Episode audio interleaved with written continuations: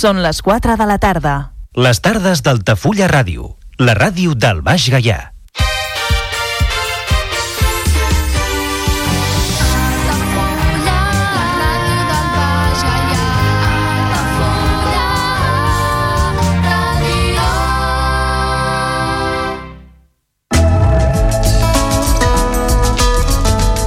L'agenda Altafulla Ràdio.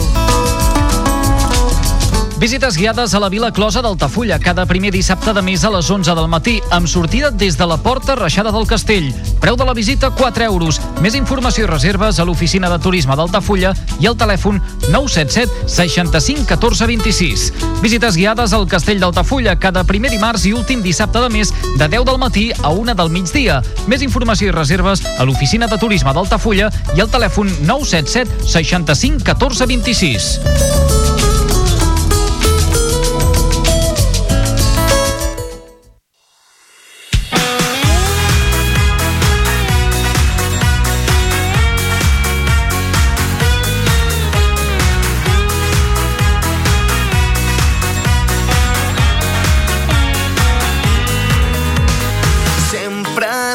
Passejant tots dos arreu del món. I un dia veus que quedes tu tot sol quan atures a mirar enrere i no hi ha ningú. Sa vida no és tan curta per somiar i una llum blanca et guiarà per tot allà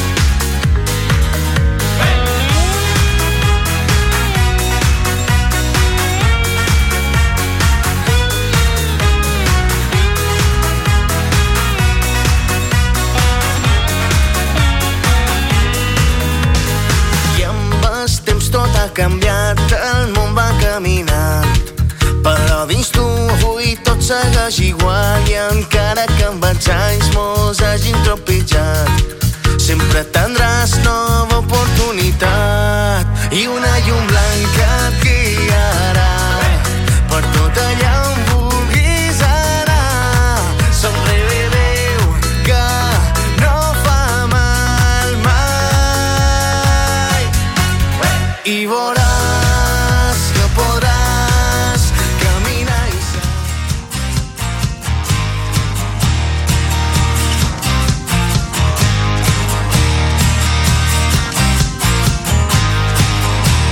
Carrer Major, un programa de ràdio Ciutat de Tarragona, Altafulla Ràdio, Ràdio Montblanc, Ràdio La Selva, Ona La Torre, la nova ràdio de Reus, Ràdio Hospitalet de l'Infant i Baix Camp Ràdio en col·laboració amb la xarxa de comunicació local.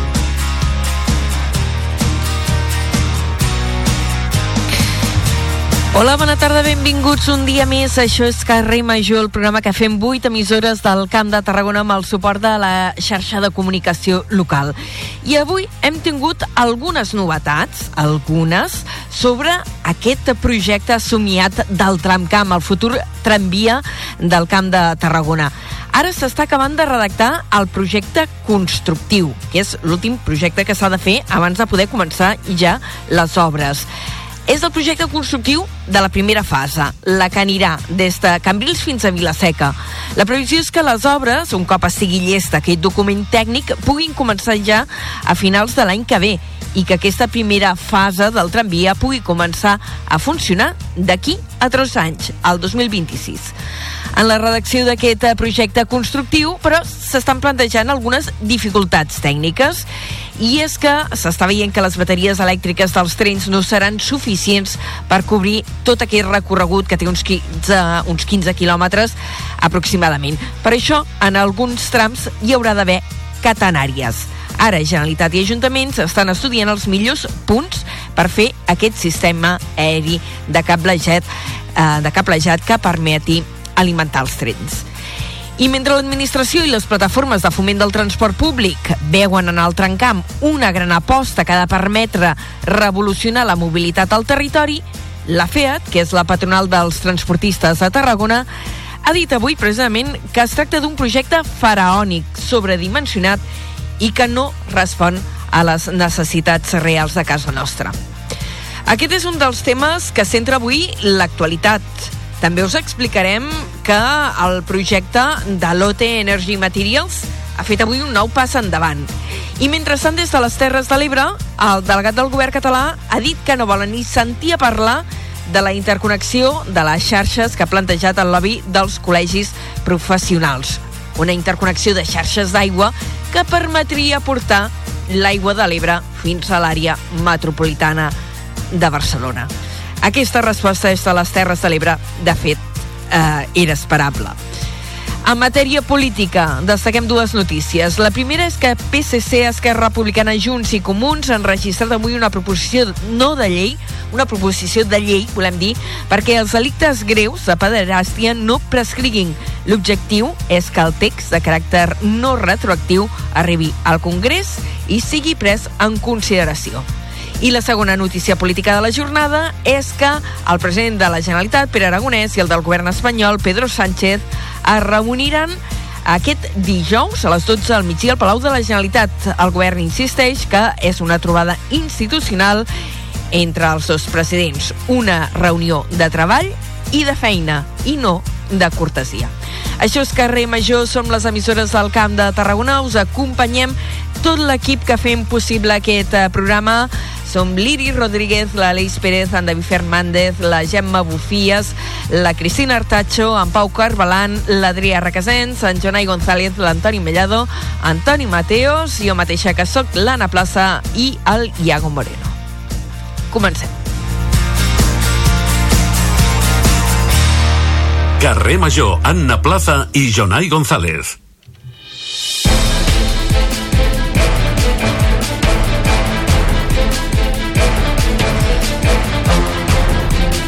I feta la presentació del programa, repassem en forma de titulars les notícies més destacades del dia al Camp de Tarragona. Ho fem amb en Jonai González. Bona tarda, Jonai. Molt bona tarda. Avui hem sabut que Acció Climàtica ha obert un expedient a vuit empreses químiques de Tarragona per la contaminació amb pèl·lets. La mesura respon al requeriment administratiu presentat al mes d'octubre per Good Karma Projects i Surfrider Foundation. La primera fase del tram Camp, la que unirà Cambrils i Vilaseca, tindrà catenàries en alguns trams per qüestions tècniques. Ara els tècnics de territori i els ajuntaments estan estudiant on s'instal·larà aquest cablejat aeri.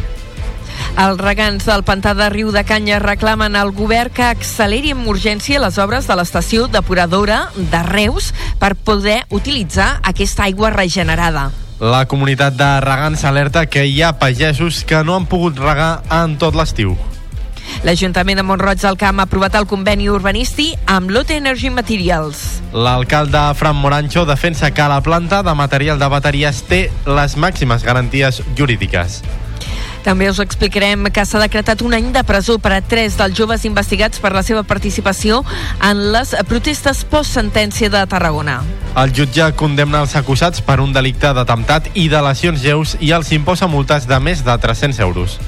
I entre les notícies d'àmbit municipal, avui destaquem que Esquerra Republicana de Tarragona demana que retiri l'increment de l'IBI ara que s'ha confirmat l'arribada de 9 milions d'euros extraordinaris de l'Estat. Per part del govern municipal han respost que només una petita part d'aquests diners es podran destinar a finançar serveis. En esports, avui parlarem de Llorenç Gómez, que està nominat al premi al millor entrenador del món de futbol platja per part de la Beach Soccer Worldwide. El torrent que apareix a la llista de 40 tècnics que ha publicat aquest organisme i que optaran el títol a la gala Beach Soccer Stars d'aquest any. I en cultura, eh, encara no hem arribat a Nadal, però ja sabem qui actuarà a Tarragona per Santa Tecla. Serà ni més ni menys que el Sestopa. Totes aquestes notícies us les ampliarem d'aquí una estona a l'informatiu. Llavors et tornem a saludar, Jonai. Fins ara. Fins ara. Adeu.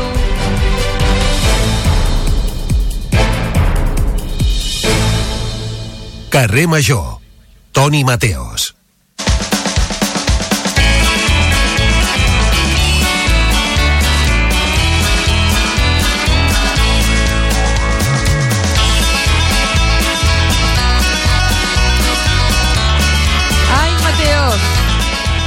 Más buena que la cerveza. Cuando te Ay. bebo, te bebo entera. Me meto Jo en vaig- tu trinchera y grito fuego. Ja sé qui comprarà entrades, eh? Ara de memòria no me'n recordo quin dia surten a la venda. Em sembla que dilluns que ve, eh? Espera que ho miro, mentre Ja mires dilluns que coses. ve? Ja, tio, és que jo m'he estressat. Jo m'he estressat. Jo estic estressadíssima. L'altre dia ja em vaig estressar quan presentaven a Tarragona la programació de primavera dels teatres i la música i anunciaven també que els Antònia Font actuaran, eh, ho dic de memòria, eh, el 27 de juliol al Camp de Mart. Però digues, vinga, va, juliol, juliol, falta mig any, set mesos. Ostres, tio, però és que per saltar tecla em falten nou, saps? Deixeu-me respirar. Deixeu-me menjar els torrons tranquil·la. He, vi- he vist també que Sergio Dalma ve a l'agost a la Tàrraco Arena Plaça Hombre, i, i, i, i, i també es, es posen avui la venda les entrades. Dius, però és agost. quin estrès! Quin estrès! Dir, amb això estàvem acostumats amb Bruce Springsteen, Sí, no? que et deia, sí. vinc d'aquí un any, i tothom boig allí comprant entrades. Doncs Ara ja ho fa tothom. Eh, eh, Coldplay, vinga tots a comprar-la. Pues si ja per Estopa a Santa Tecla 9 mesos, pues imagina't, ja vos Springsteen dirà vindré al 2028. Jo, Por jo ejemplo. m'aquestes... Mira, espera, espera que t'ho confirmo, eh, quan es posen a la venda les entrades. Les entrades surten a la venda aquest dijous 21 de desembre a les 12 del migdia. Tothom Pues- com a boig allí a la web. Clar. Tingues en compte, tingues en compte a Plaza Digue'm. que Estopa va vendre 50.000 entrades del camp de futbol del, del Lluís Companys en pocs minuts. O sigui que... Santa Ho Tecla... petaran, eh? A l'anella Ho mediterrània. Oh, ah, bueno, i cap gent, però no 50.000, però Déu-n'hi-do, Déu-n'hi-do. Bueno, sí, ah. apretadets, A veure, amb amor, amb amor, me sabe a gloria cuando me besa, cuando te metes en fan, mi no? cabeza. Ai, M'encanta, m'encanten los hermanos Muñoz. Eh, Superfan. Soc molt fan del, dels germans Muñoz. Des de que van sortir, pues ja fa...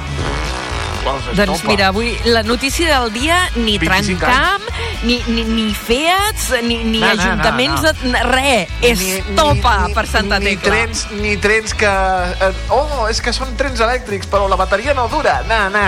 Na, Estopa. na. Estopa. Estopa. Oi. Escolta'm, això no- ho explicarem, eh? L'informatiu tenim croniqueta explicant, fent la prèvia d'aquest concert. D'aquest concert d'aquí nou mesos, a veure, estem, sí, estem grillats. Mentre Ah, me mentalitzo, mentre me situo, què fareu a partir de les 5? Mira, entrevistarem el Marcel Ortega, que és el director de la JOIC, de la Jove Orquestra Intercomarcal, per parlar de noves produccions de l'orquestra i de la parada que fan al territori doncs, per Nadal.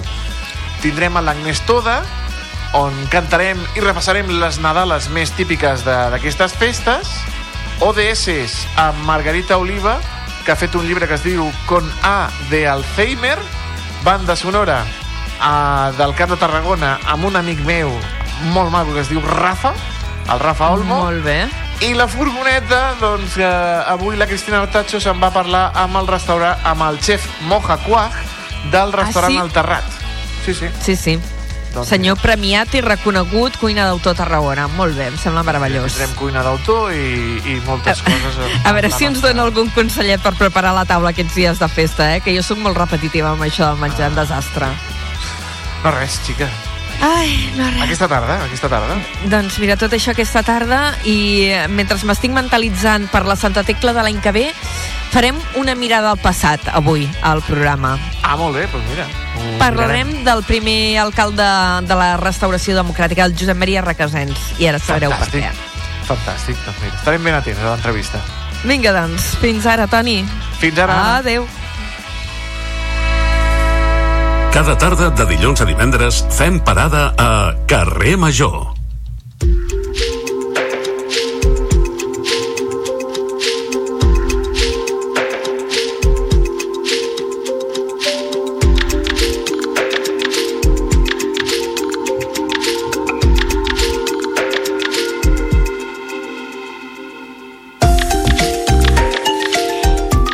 Quart de cinc de la tarda, gairebé, i ara dèiem, tant de mirar el futur, amb aquests concerts que s'anuncien a més de mig any vista, també tenim ganes prendre-s'ho calma i fer una mirada reposada al passat.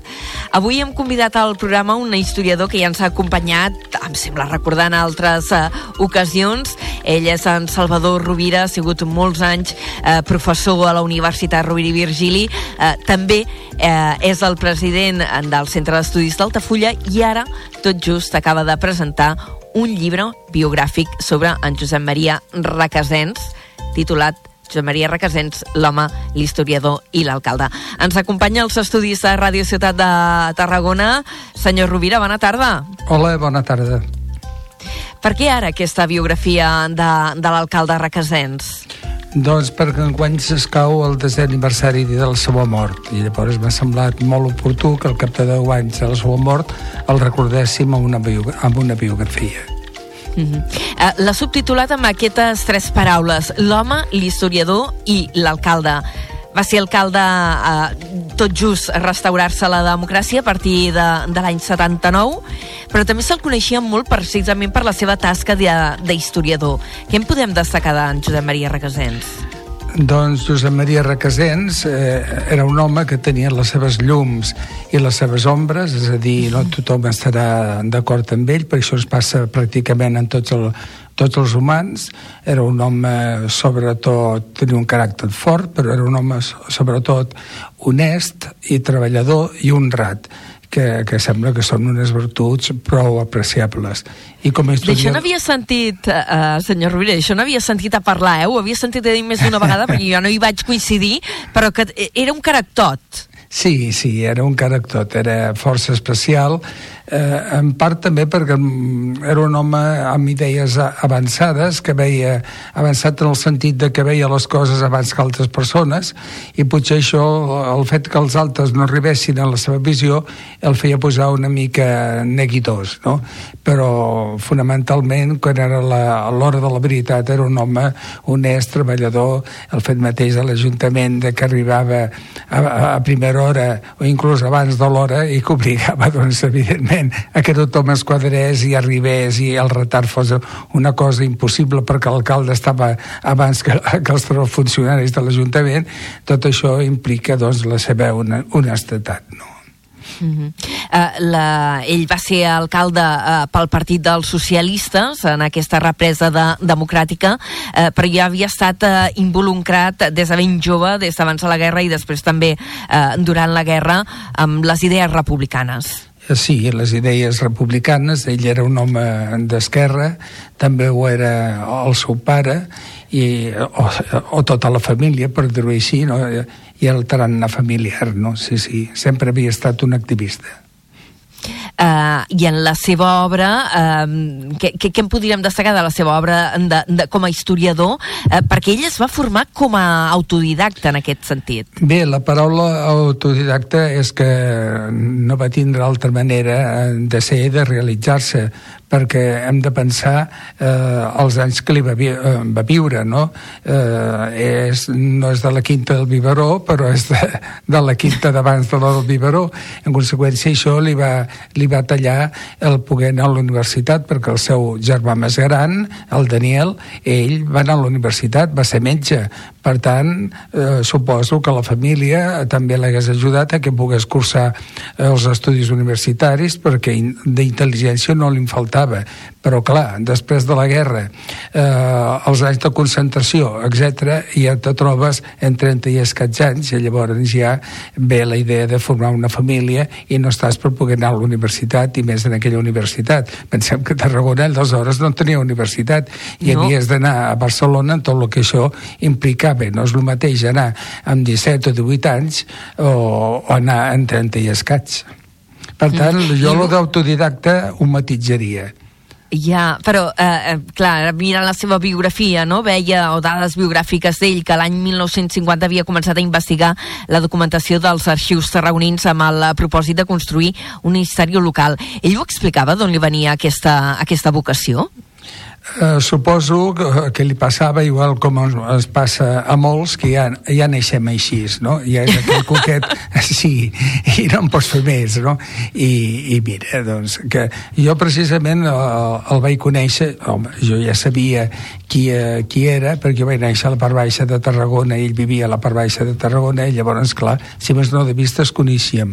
Però el vaig conèixer personalment quan feia jo l'últim any de la licenciatura en Història, que també treballava treballava com a mestre en un col·legi de, de Barcelona i llavors els, els caps de setmana venia cap a Tarragona. I llavors com ja era l'últim any de la carrera els dissabtes al matí l'aprofitava per anar a l'arxiu històric de, de Tarragona que justament aleshores havia obert les portes als baixos de la Casa de Cultura del carrer del gasòmetre i ens trobàvem a primera hora ell i jo, el, clar, les, els primers moments doncs bon dia, bon dia i qui s'acabava la, la història dia. Però segons anaven passant les setmanes i com sempre estàvem ell i jo sols, doncs vam començar ja a conversar i aquestes converses doncs, van ser més amples cada vegada i, i em regalava els llibres que anava publicant eh, i en fi, vam anar fent una, una relació i després per més cosa eh, al passat dels anys va resultar que em vaig casar en una neboda seva en la qual cosa ah, bé, això no vam, sabia. vam esdevenir oncle i nebot polític Eh, llavors, eh, potser anava a dir, com, com, perquè li anava a preguntar pel procés de documentació a l'hora de fer aquest llibre. Eh, clar, tenia vostè material de primera mà, també, no? Perquè si havia conegut el personatge, això suposo que l'ha ajudat a l'hora de construir aquest retrat. Sí, eh, i evidentment, però a més a més jo ja tenia envers d'ell una certa admiració perquè, és clar els seus llibres en aquella Tarragona de la meva adolescència que era una Tarragona amb pocs intel·lectuals i, i amb poca producció historiogràfica, doncs el, els seus llibres me van ajudar moltíssim a anar formant-me com, com a historiador, perquè ell, clar, va, va agafar les tendències últimes de la historiografia i les va, les va aplicar. I, i, i a mi em resultaven els seus llibres, els seus articles, tots molt formatius. Per tant, a banda d'aquestes vinculacions a posteriori familiars, doncs doncs havia ja una, un, un efecte envers aquella persona doncs, que es dedicava a lo que jo em volia dedicar i que a més a més tenia una producció excel·lent que a mi em convencia i m'agradava.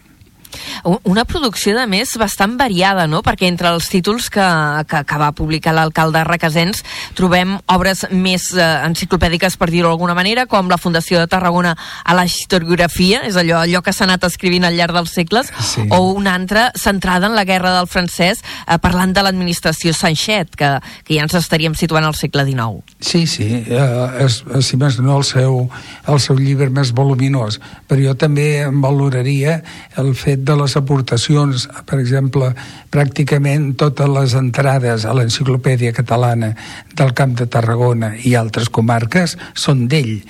Vull dir que ja era una aportació eh, esplèndida Important. sí, en, en aquells moments. Però, a més a més, doncs, ell participava en col·loquis, escrivia articles, i era un home que, com a tots, eh, li agradava qualsevol, bueno, com a tots potser és molt dir, no?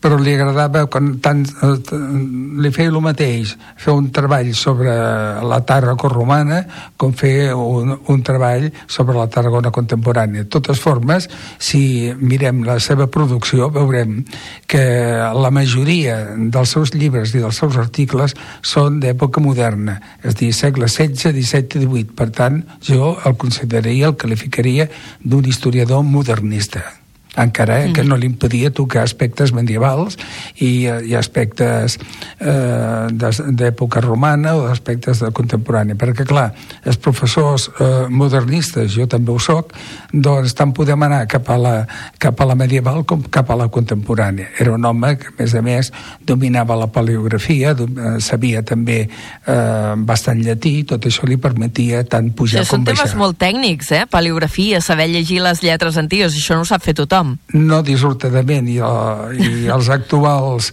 eh, alumnes doncs no dominen la paleografia, eh, el més fàcil eh, és una mica allò de, que la guineu diu que no les pot haver, no? que són verdes perquè no les pot haver, doncs és això, però en bona mesura la culpa no és de l'estudiant com a tal, és de la universitat que no li, que no li obliga, no li exigeix o no li facilita l'estudi de la paleografia, perquè la paleografia, per exemple, la trobàvem en l'últim eh, curs de la, de la carrera, ara aquí la Rovira i Virgili, quan aquestes sí. coses haurien d'estar al primer curs, no? Perquè si no, no com vas? Has de començar a llegir quan ja te'n vas? Com... Clar.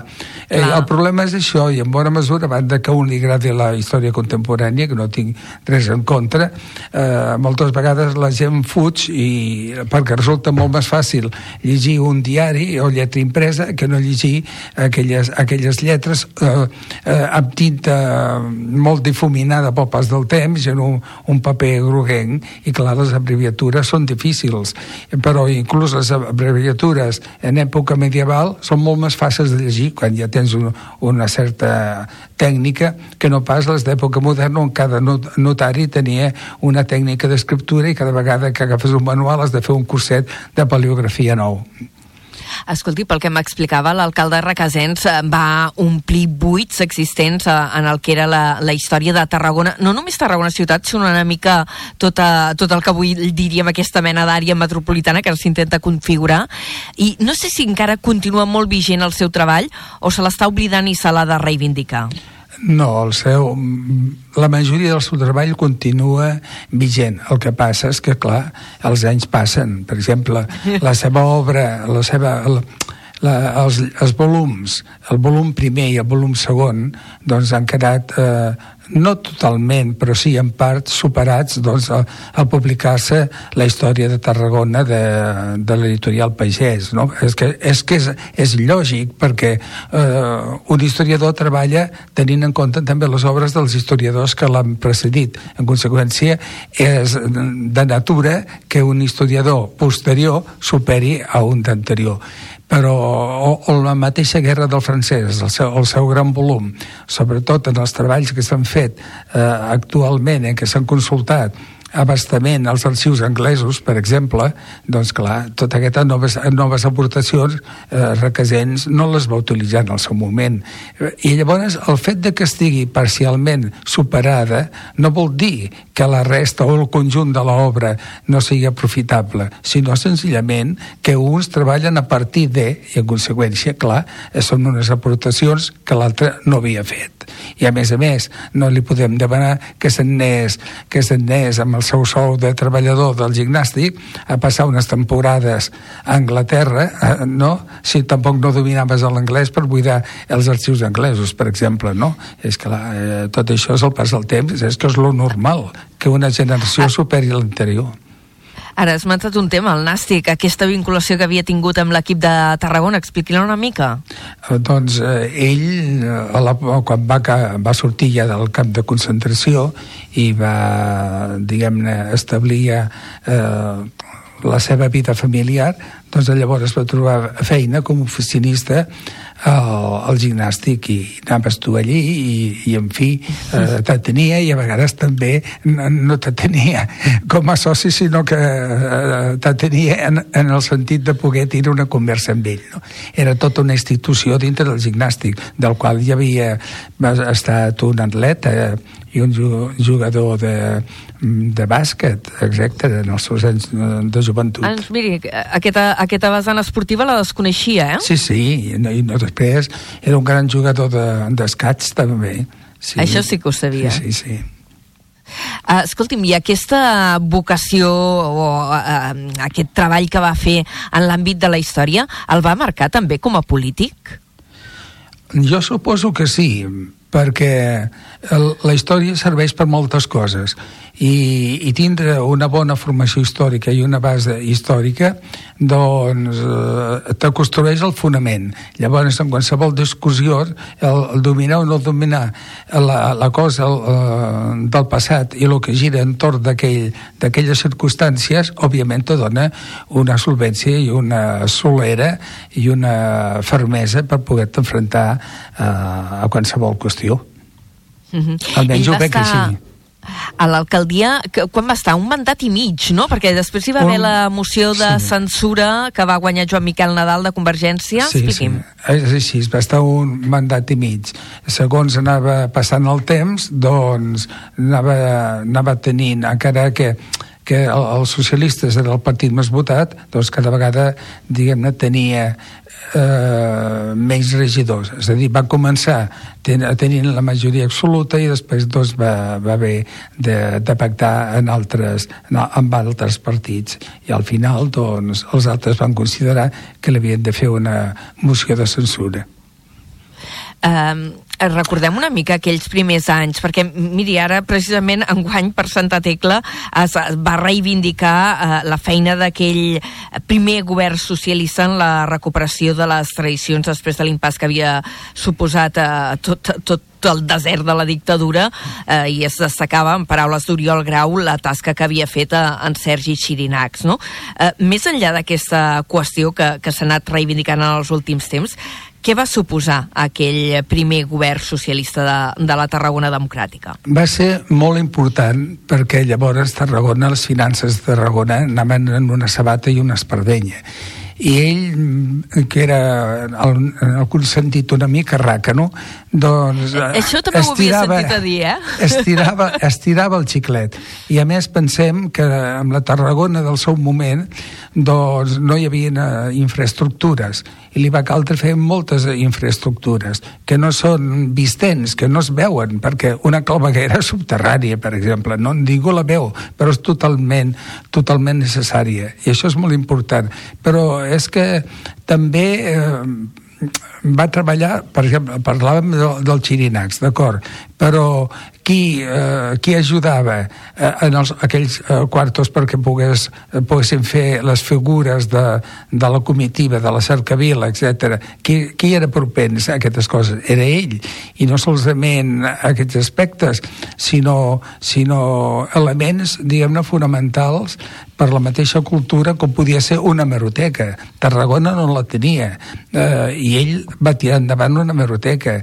Després l'Institut d'Arqueologia, per exemple, tan necessari per una ciutat com aquesta, però també era una mica visi- visionari, perquè quan ell va arribar la gent aparcava on li donava la gana, els cotxes per la, eh, pels carrers, etc. I llavors ell eh, ja va tenir la intuïció aquella de posar, que com ara trobem pel carrer, no? boles o pals, etc que dificulten eh, que un cotxe doncs aparqui en una, eh, en una vorera que un dels seus crítics, perquè, és clar, una part de la ciutat no li va perdonar que el fill del cisteller, com deien, doncs arribés a ser alcalde de Tarragona. És a dir, un individu, diguem de, de la menestralia arribés a alcalde, a, a certa burgesia tarragonina, doncs això no, va, no ho va entendre.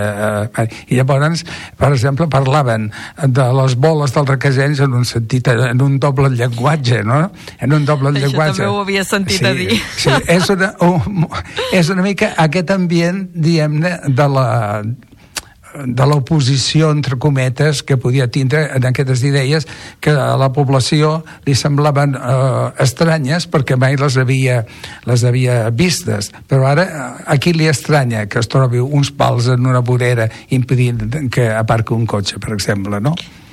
Ah, Això és un una anècdota, si, tu- si tu vols, Sí, però no, no, eh, retrata em- em- una mica el, el personatge. Eh, L'havia sentit explicar aquesta anècdota. Jo també ara em pregunto, no? Ell venia d'una tradició també més catalanista, no? I a vegades em pregunto què em pensaria en- de, del govern que hi ha ara, que un govern socialista de nou a, a l'Ajuntament de, de Tarragona, no? Eh, vostè s'atreveix a, a dir què, què en deuria pensar en Josep Maria Requesens? Eh, a vegades la gent diu oh, si, eh, si tal personatge ho, ho visqués o vegés, diria això, diria allò altre. Doncs no ho sé el que diria, perquè les persones evolucionem i, i, i, i clar, canviem en aquest, es- en aquest sentit. Però jo, jo el tinc... El tinc Ui, que en sona alguna Sí. cosa. Ja està, ja ha deixat Ja de sonar, està. ja està. Jo el tinc per una persona que, òbviament, era molt d'esquerres, era molt catalanista i no ho sé, això és una reflexió personal meva, eh? jo ja dic que, que ell, eh, en la seva evolució en els anys eh, després de sortir de l'alcaldia, el que hagués dit o el que has fet, eh, no m'atreveixo a dir-lo però no sé si el PSC actual hagués estat el partit que a ell li hagués agradat.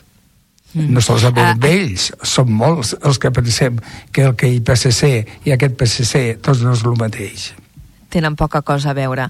Eh, són les 4 i 34 minuts, recordem, estem parlant amb l'historiador Salvador Rovira, eh, que acaba de publicar aquesta biografia sobre l'alcalde de Tarragona, el primer alcalde de la restauració democràtica, en Josep Maria Requesens, titulat L'home, l'historiador, l'alcalde, un llibre que, que ha publicat a Vario Editio, eh, està, es pot trobar ja a les llibreries o com el podem aconseguir aquest llibre?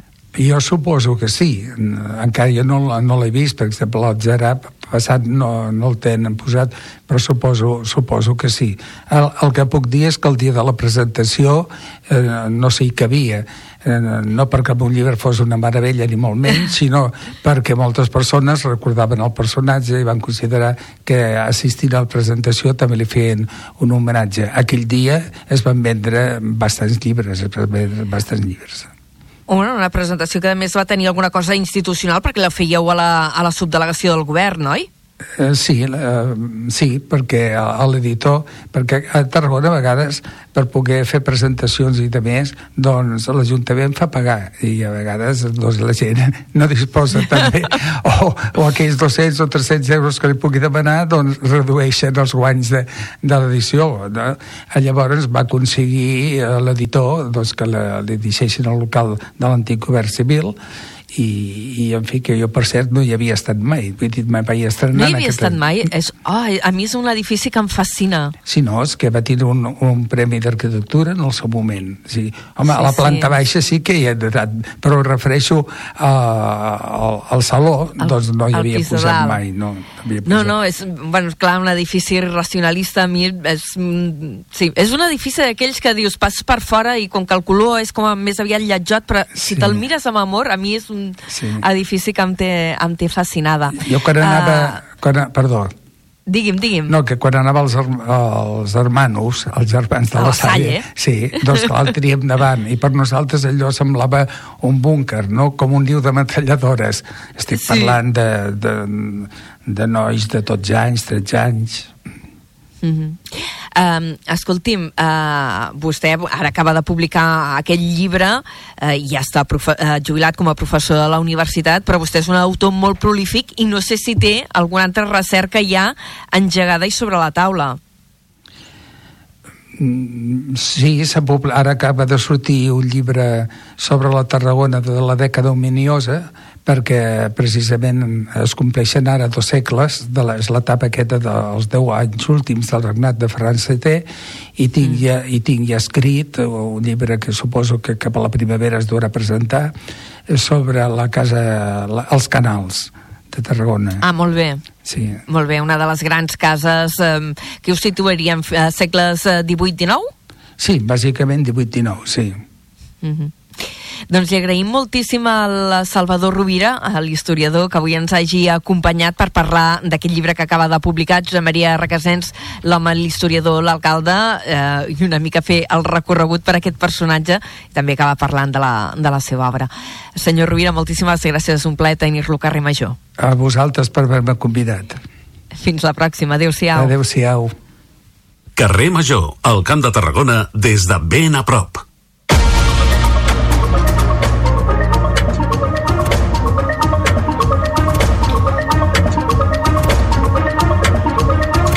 Les 4 i 38 minuts, moment d'endinsar-nos ara sí, amb més detall en l'actualitat. Saludem de nou al Jonai González. Jonai, bona tarda. Es, Pareu, és veritat que quan tenim eh, convidat a l'estudi de Ràdio Ciutat de Tarragona han de fer el canvi de cadires. Començo a llegir jo doncs sola. El Departament d'Acció Climàtica ha obert expedient a diverses empreses, vuit concretament, vuit empreses químiques del Camp de Tarragona per la seva responsable, eh, la seva suposada responsabilitat en l'origen de contaminació amb pèl·lets. Les empreses investigades, segons ha avançat avui el digital Porta Enrere i ha confirmat l'agència catalana Catalana de Notícies són les multinacionals Rapsol Química i Dow Chemical, així com també Baseli, Poliofines, eh, Pirimaco, Transformadors d'Etilè, eh, Catoen Naite, Schmidt Imèrica i Rabago Plàsticos. Jonai, ara sí, bona tarda. Molt bona tarda. L'expedient s'ha obert arran del procediment de responsabilitat ambiental davant la Generalitat presentat per Good Karma i Surfrider Foundation a l'octubre perquè s'investigui l'origen d'aquesta contaminació. Això suposa l'inici de les investigacions per determinar si l'activitat d'aquestes empreses és la responsable de l'abocament al medi d'aquests pèl·lets, aquestes petites boles de plàstic utilitzades en la fabricació d'ampolles, entre d'altres, i un dels microplàstics que més contaminen el mar. Segons van detallar les entitats denunciants al mes d'octubre, durant els últims anys s'havien batut dos rècords mundials de recollida de pèl·lets en aquesta zona, més de 700.000 al 2021 i més de 2 milions al 2022. Les empreses químiques productores de plàstics van constituir al setembre, juntament amb la Generalitat, la plataforma Zero Pellets per conscienciar la societat i també per plantejar noves mesures per limitar aquests impactes. La primera fase del trencamp, la que unirà Cambrils i Vilaseca, tindrà catenàries en alguns trams per qüestions tècniques. La informació l'ha avançat avui l'Agència Catalana de Notícies. Ara, els tècnics del Departament de Territori i els ajuntaments estan estudiant on s'instal·larà aquest cablejat aeri. D'entrada, la voluntat és que les catenàries estiguin només en les àrees interurbanes. Recordem que la primera fase del tramvia del Camp de Tarragona unirà Cambrils i Vilaseca aprofitant el traçat de l'antiga via de tren que va quedar en desús amb l'estrena de la variant del corredor del Mediterrani. Actualment se n'està acabant de redactar el projecte constructiu i la previsió és que les obres comencin a finals de l'any vinent per tal que el tramvia pugui començar a funcionar al cap de dos anys a finals de 2026. El principal inconvenient és que els trens no podran podran fer tot el recorregut només amb bateries elèctriques i per això caldrà catenàries per subministrar energia. Pel que fa a la segona fase del trencamp, ara s'estan estudiant les al·legacions que han presentat els ajuntaments. La voluntat és que quedin resoltes a principis de 2024 i aquesta segona fase portarà el tramvia fins a Tarragona i Reus. Justament del trencamp n'ha parlat avui també la FEAT, la Federació de l'Autotransport de Tarragona. La patronal considera que el projecte del tramvia és faraònic i desproporcionat tenint en compte les necessitats reals del territori. En un contacte amb la premsa, el portaveu de la FEAT, Josep Lluís Aimat, ha apuntat que cal un sistema menys car, més àgil i flexible i en aquest sentit aposta per vehicles de transport públic elèctrics o d'hidrogen i amb una altra freqüència de pas. I jo no dic que el trencamp no pugui ser un projecte correcte, però quan toqui, és a dir, nosaltres no tenim ara mateix una àrea metropolitana densament poblada de forma que necessitem sistemes de transport d'alta capacitat. Nosaltres el que necessitem són sistemes de molta freqüència, de baixa capacitat, nul impacte eh, ambiental, però d'alta freqüència, perquè nosaltres no tenim una mobilitat que graviti com en el cas de Barcelona la patronal tarragonina del transport també ha manifestat avui la seva preocupació pel fet que els camions de mercaderies perilloses no puguin passar pel túnel del coll de l'illa per raons de seguretat. Aimat ha explicat que han plantejat alternatives al subdelegat del govern espanyol com fer un nou enllaç entre el polígon de Valls i la P2. Nosaltres, de comú acord amb la Càmera de Tarragona i la EQT, hem presentat alguna alternativa com podria ser algun vial que es pogués connectar des de Masmolets a la sortida de la 27 fins al polígon de, de Valls que també està en recreixement i cada vegada va llogarà més mercaderia fins a la rotonda d'IKEA i des d'allà intentar fer una sortida el més aviat possible a l'AP2 eh, diguem-ne a prop però sense tocar el nucli del Pla de Santa Maria. Una altra opció plantejada per la FEAT és el desdoblament de la C14 des del Cuber fins a Montblanc. Parlem ara de gestió de l'aigua. Els regants del pantà de Riu de Canyes reclamen a la Generalitat que acceleri amb urgència les obres de l'estació depuradora de Reus per poder utilitzar aigua regenerada. La comunitat de regants alerta que hi ha pagesos que no han pogut regar en tot l'estiu. Ens ho amplia des de la nova ràdio de Reus, en David Fernández. La comunitat de regants del Pantà de Riu de Canyes, organitzada en comissió per fer un seguiment de les obres de l'estació depuradora d'aigües residuals de Reus, lamenta la lentitud en els tràmits i reclama urgentment a Acció Social que s'iniciïn les obres. De fet, no entenen per què encara no s'ha publicat la licitació que estava prevista pel mes de novembre.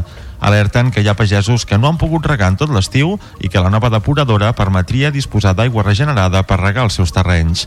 Martí Macias és membre de la comissió de la comunitat de regants del Pantà de Riu de Canyes. Han anat a veure una finca que no s'ha pogut regar en tot l'estiu i les previsions no són gens bones no són gens, gens, gens bones i si no es fa aquesta obra si no es fa aquesta obra eh, el futur que ens, se'ns presenta a tots els regants a tots els regants de la comunitat de regants però sobretot, sobretot els que només depenen de l'aigua del pantà eh, és negre Segons dades de la comunitat de regants, l'estació depuradora d'aigües residuals de Reus desaprofita entre 5 i 6 hectòmetres cúbics a l'any. D'altra banda, el delegat del govern a les Terres de l'Ebre, Albert Salvador, ha dit que suposa la proposta d'interconnectar les xarxes d'aigües de Tarragona i del Ter Llobregat, una proposta que ha plantejat el lobby de col·legis professionals. Salvador considera que fer arribar el mini transvasament de l'Ebre a Barcelona és una proposta simplista. El delegat del govern a l'Ebre creu que un transvasament d'una conca a l'altra no és la solució per abordar les necessitats d'aigua de l'àrea metropolitana. És a dir, no cal un transvasament entre conques per garantir aigua de boca a tota Catalunya. Estic convençudíssim que no cal un transvasament per, per garantir aigua de boca. Eh, per, avui, per sort, la tecnologia ens dona eh, moltes més alternatives i, i molt més sostenibles i més sensates i que garantiran aigua eh, de qualitat perdurable en el temps que això un transvasament entre, entre conques no garanteix i per tant aquesta és l'opció del govern claríssimament el delegat del govern a les Terres de l'Ebre ha defensat el model de gestió de la sequera que està aplicant la Generalitat. Ha exposat que ha permès resistir més de 30 mesos de sequera, més del doble que el 2008. Albert Salvador aposta per una estratègia basada en la potabilització, la desalinització i la reutilització de l'aigua. I a Montroig del Cap, l'Ajuntament, concretament el ple, ha aprovat ja el conveni urbanístic amb l'OT Energy Materials, un nou pas endavant per poder desenvolupar aquest eh, projecte industrial. Uh, L'aprovació s'ha fet després de desestimar les al·legacions que havien presentat el grup municipal de Junts i també uh, un grup de ciutadans que no veuen amb bons ulls aquesta proposta. L'alcalde Fran Morancho ha apuntat que aquestes objeccions es podran tenir en compte quan s'aprovin les condicions de compra-venda dels terrenys per part de l'OTE. De fet, defensa que la planta de material de bateries té les màximes garanties jurídiques. L'alcalde de Montroig del Camp ha respost algunes de les al·legacions contràries al conveni urbanístic davant una vintena de ciutadans contraris a la implantació de l'OTE al municipi i ha proposat crear una comissió de seguiment amb representació política i del teixit social social i econòmic del municipi. I encara a Montroig del Camp, un altre projecte destacat eh, es tracta eh, del traçat definitiu per humanitzar l'antiga carretera nacional 340 al seu pas pel municipi. El govern ja ha, aprovat com serà, el govern espanyol, com serà aquest traçat definitiu. El projecte inclou dos carrils per a vianants i bicicletes i té un pressupost de 10 milions i mig d'euros. El trànsit a l'N340 ha disminuït significativament des de la posada en marxa de l'autovia fins a Altafulla i la gratuïtat dels peatges de l'autopista P7. El projecte se cedirà a l'Ajuntament de Montroig del Camp, que en farà la conservació i manteniment. L'actuació es farà en una longitud de més d'un quilòmetre. Són les 4 i 47 minuts. Seguim repassant l'actualitat del territori. S'ha decretat un any de presó per a tres dels joves investigats per la seva participació en les protestes post-sentència de l'1 d'octubre a Tarragona. El jutge condemna els acusats per un delicte d'atemptat i de lesions lleus i els imposa múltiples multes, volem dir, de més de 300 euros. En la sentència que ha tingut accés l'Agència Catalana de Notícies, el magistrat sosté que queden provats que els tres condemnats van empènyer agents dels Mossos d'Esquadra i que dos dels policies van patir danys en un dit de la mà, contusions a l'espatlla i al canell, i també els imposa la quantitat de 300 euros i 570 per a dos dels joves en concepte de responsabilitat civil i de multa, així com les costes processals. I els Mossos d'Esquadra, conjuntament amb la Guàrdia Urbana de Tarragona, han detingut dos homes de 19 i 24 anys i dos menors d'edat com a presumptes autors de la crema de contenidors i llançament de pedres als vehicles policials i de bombers el passat 23 de novembre al barri de Camp Clar, de la capital tarragonina.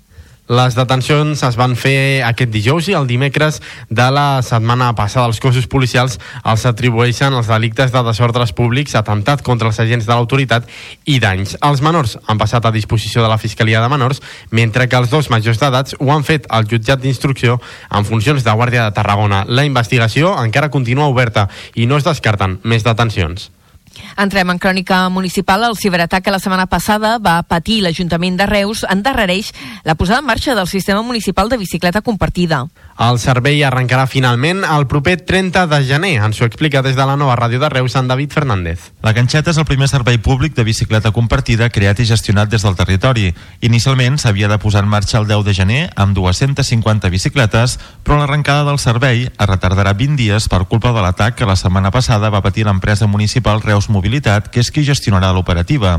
Segons el consistori, el ciberatac ha obligat a concentrar els esforços de l'equip tècnic i informàtic en restablir els serveis per no aturar l'activitat ordinària. Una situació que ha provocat l'alentiment de les proves amb l'aplicació de la ganxeta, que ara es tornaran a intensificar amb la vista posada el 30 de gener. Gràcies, David. I a Tarragona, Esquerra Republicana demana que es faci enrere en l'augment de l'impost de béns immobles, ara que s'ha confirmat l'arribada de 9 milions d'euros extra de l'Estat. Des del govern municipal han respost que només una petita part d'aquests diners es podran destinar a finançar serveis. Ens ho amplia des de Ràdio Ciutat de Tarragona la Cristina Artacho. Esquerra ha demanat al consistori que el pressupost del 2024 se sustenti amb aquesta aportació de l'Estat, que puja més d'un 22% respecte al 2023. El conseller Jordi Fortuny ha reclamat que la supressió dels augments dels impostos aprovats el mes d'octubre es faci ara mateix. Ha exposat que en cas de no fer-se abans de finals d'any, aquests diners no es podrien podrien utilitzar com a despesa corrent i haurien d'anar destinats a pagar amortització. Fortuny ha afegit que des d'Esquerra consideren que és una mesura fàcil, que no posa en perill el pressupost i que ja han pres altres ajuntaments. És demanar al govern municipal la supressió dels augments que es van aprovar a l'octubre passat de l'IBI i d'IBICIO i de les terrasses que representen més de 5 milions d'euros a costelles d'increment, a costelles de la ciutadania. I alhora emplacem a que en el pressupost del 24 se sustenti amb la incorporació de la participació de la liquidació de l'any 22. Això es pot fer ara mateix i de no fer-se aquests diners que es cobraran l'any 24 eh, passarien, no es podrien utilitzar com a despesa corrent si no ho fem ara i haurien d'anar destinats a pagar bancs, a pagar amortització. Hores després de les declaracions del conseller Jordi Fortuny, el govern municipal ha replicat que dels 9 milions d'euros que rebran de l'Estat, només 2,3 es poden utilitzar per al finançament de serveis públics que se sostinguin en exercicis futurs. L'equip de govern ha afegit que aquests diners han d'anar al romanent de 2025 i serviran per pagar deute i generar capacitat d'endeutament i inversora de l'Ajuntament. Moltes gràcies, Cristina Artacho. I a Torre d'Embarra hi haurà ple aquest dijous, on es preveuen adjudicar les obres de cobriment i climatització de la nova piscina de la Torre.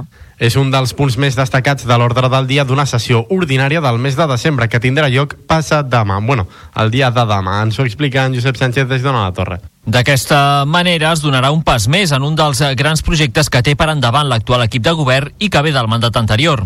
L'alcalde Eduard Rovira explica que finalment només s'ha presentat una empresa per realitzar les obres. Doncs és el ple qui ha de fer l'adjudicació la, que ja ha determinat la mesa de contractació. Eh? La, tècnicament ja està resolt, tots els, tots els requisits compleix i per tant és amb qui s'hi assignarà. I a partir d'aquí doncs ja s'han d'establir els replantejaments, els, totes aquestes coses que es fan les obres i el que durin. Un altre dels punts destacats de l'ordre del dia és l'adjudicació d'un contracte d'emergència del servei de neteja viària Torre d'Embarra a partir de l'1 de gener. L'empresa que oferia el servei fins ara amb una pròrroga del contracte anterior, Norbert, ha renunciat a seguir-ho fent. A més, es preveu aprovar el sistema intern d'informació que regula la protecció a les persones que informen sobre infraccions normatives i lluita contra la corrupció i també es debatrà una moció d'alternativa a Torredembarra demanant la dimissió d'Eduard Rovira com a regidor d'Hisenda. Uh, fem ara un apunt econòmic. Les exportacions a les empreses del Camp de Tarragona i les Terres de l'Ebre ha crescut a prop d'un 21% durant l'octubre. L'increment de les manufactures de consum compensa un lleuger retrocés dels productes químics. Es tracta d'unes exportacions econòmiques de més de 1.000 milions d'euros, segons les dades del Ministeri d'Economia. El territori és la província catalana on més creix l'exportació. Els productes químics són el principal producte exportat, tot i que baixa un 7,6%. D'altra banda, les manufactures van créixer gairebé un 56% i representen un 20% del total. Les dades estatals també mostren un increment de les importacions d'un 51% i en l'acumulat del que portem de 2023 es parla d'un creixement més modest al voltant del 2,4%, mentre que les importacions incrementen un 3,4% durant aquests primers 10 mesos. Abordem ara un petit bloc de notícies nadalenques. El nou espectacle de drons de Nadal de Tarragona serà el 23 de desembre i es podrà veure des de la platja El Miracle, el passeig Rafael Casanova i el tram inferior del Vial Brian. L'hora d'inici prevista de l'espectacle de drons, sempre que les condicions meteorològiques ho permetin, serà a dos quarts de set de la tarda, tres quarts d'hora abans. A tres quarts de sis començarà el repartiment de 1.300 racions de xocolata a l'altura del balconet del Mediterrani al passeig marítim i valoracions d'actes que s'han fet aquests dies. D'una banda, més de 6.000 persones han participat en la 26a edició del Passebre dels Estrels al terme municipal de Vandellós, una xifra de visitants que valoren positivament des de l'organització, l'Associació Masia de Castelló. I a Torre d'Embarra, més de 4.500 persones han passat a, a aquest cap de setmana pel Mercat de Nadal, una celebració que s'ha recuperat enguany. I tancarem aquest bloc explicant-vos breument també que els retaules vivents de Reus canvien d'ubicació coincidint amb la celebració de la seva 35a edició. Aquest any deixaran de ser el centre de la ciutat i es traslladaran fins al Parc Sant Jordi. Anem als esports.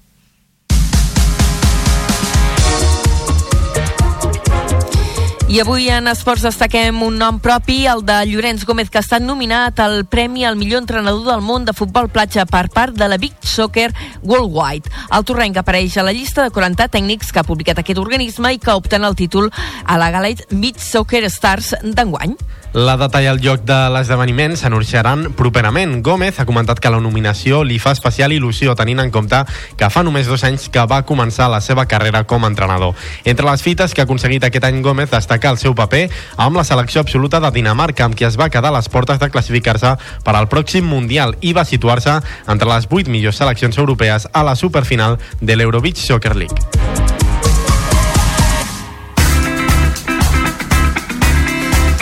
I en cultura notícia que fa Palís, Feliç Antoni Mateos, Stop actuarà el 14 de setembre a Tarragona. Ho faran a l'anella mediterrània dins dels actes emmarcats en les festes eh, majors de Santa Tecla. Eh, un concert, les entrades es posen a la venda aquest dijous a partir del migdia. Ho ha anunciat avui l'Ajuntament de Tarragona, que també ha fet públic eh, que avui dimarts ja s'han obert les inscripcions per participar al Carnaval Carnaval de l'any vinent, el Carnaval tarragoní, que és un dels actes més multitudinaris de la ciutat i que enguany englobarà actes des del 2 fins al 13 de febrer. Dit això, tanquem aquesta primera hora de carrer major. Ara, a les 5, pren el relleu Toni Mateus i companyia. Fins ara.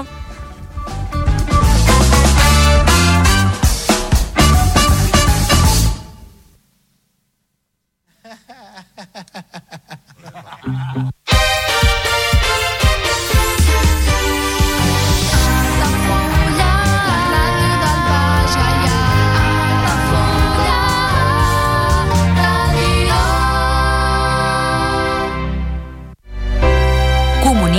2024. Dates ja disponibles amb sales privades, jardí, pàrquing privat i la millor gastronomia. Més informació i reserves al 977 65 11 55 i a comercial arroba altafullamarotel.com o al web altafullamarotel.com.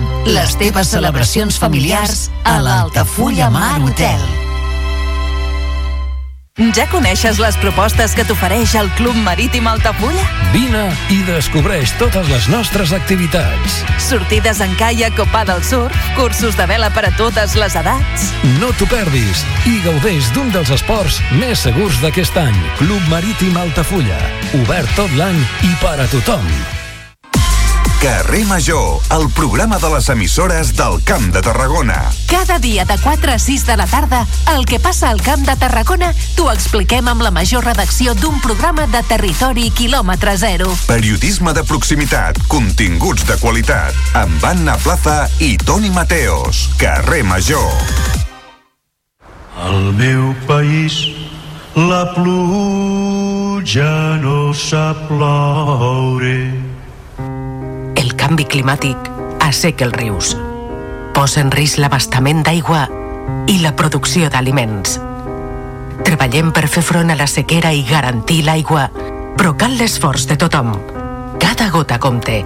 La pluja no la controles, l'aixeta sí. Generalitat de Catalunya, sempre endavant.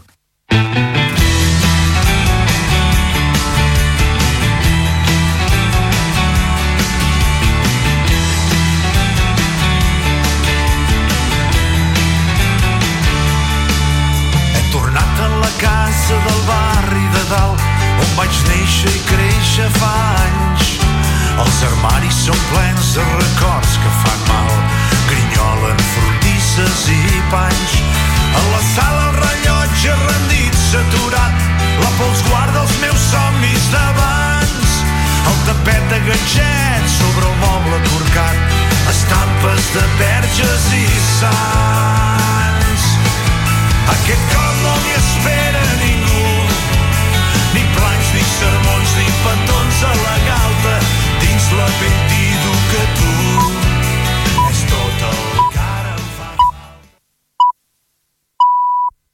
Són les 5 de la tarda.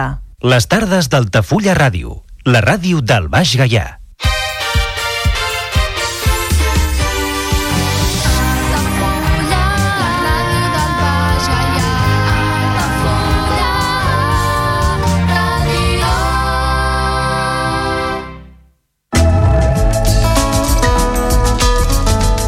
L'agenda Altafulla Ràdio.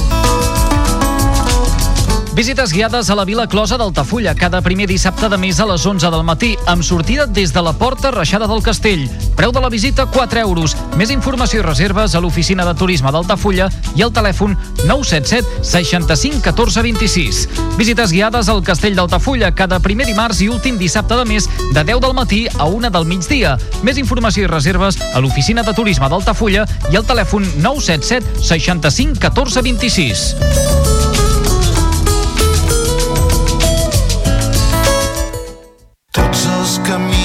Camins estan tancats i la nit reneix, no acaba mai. Hi ha tanta gent que està esperant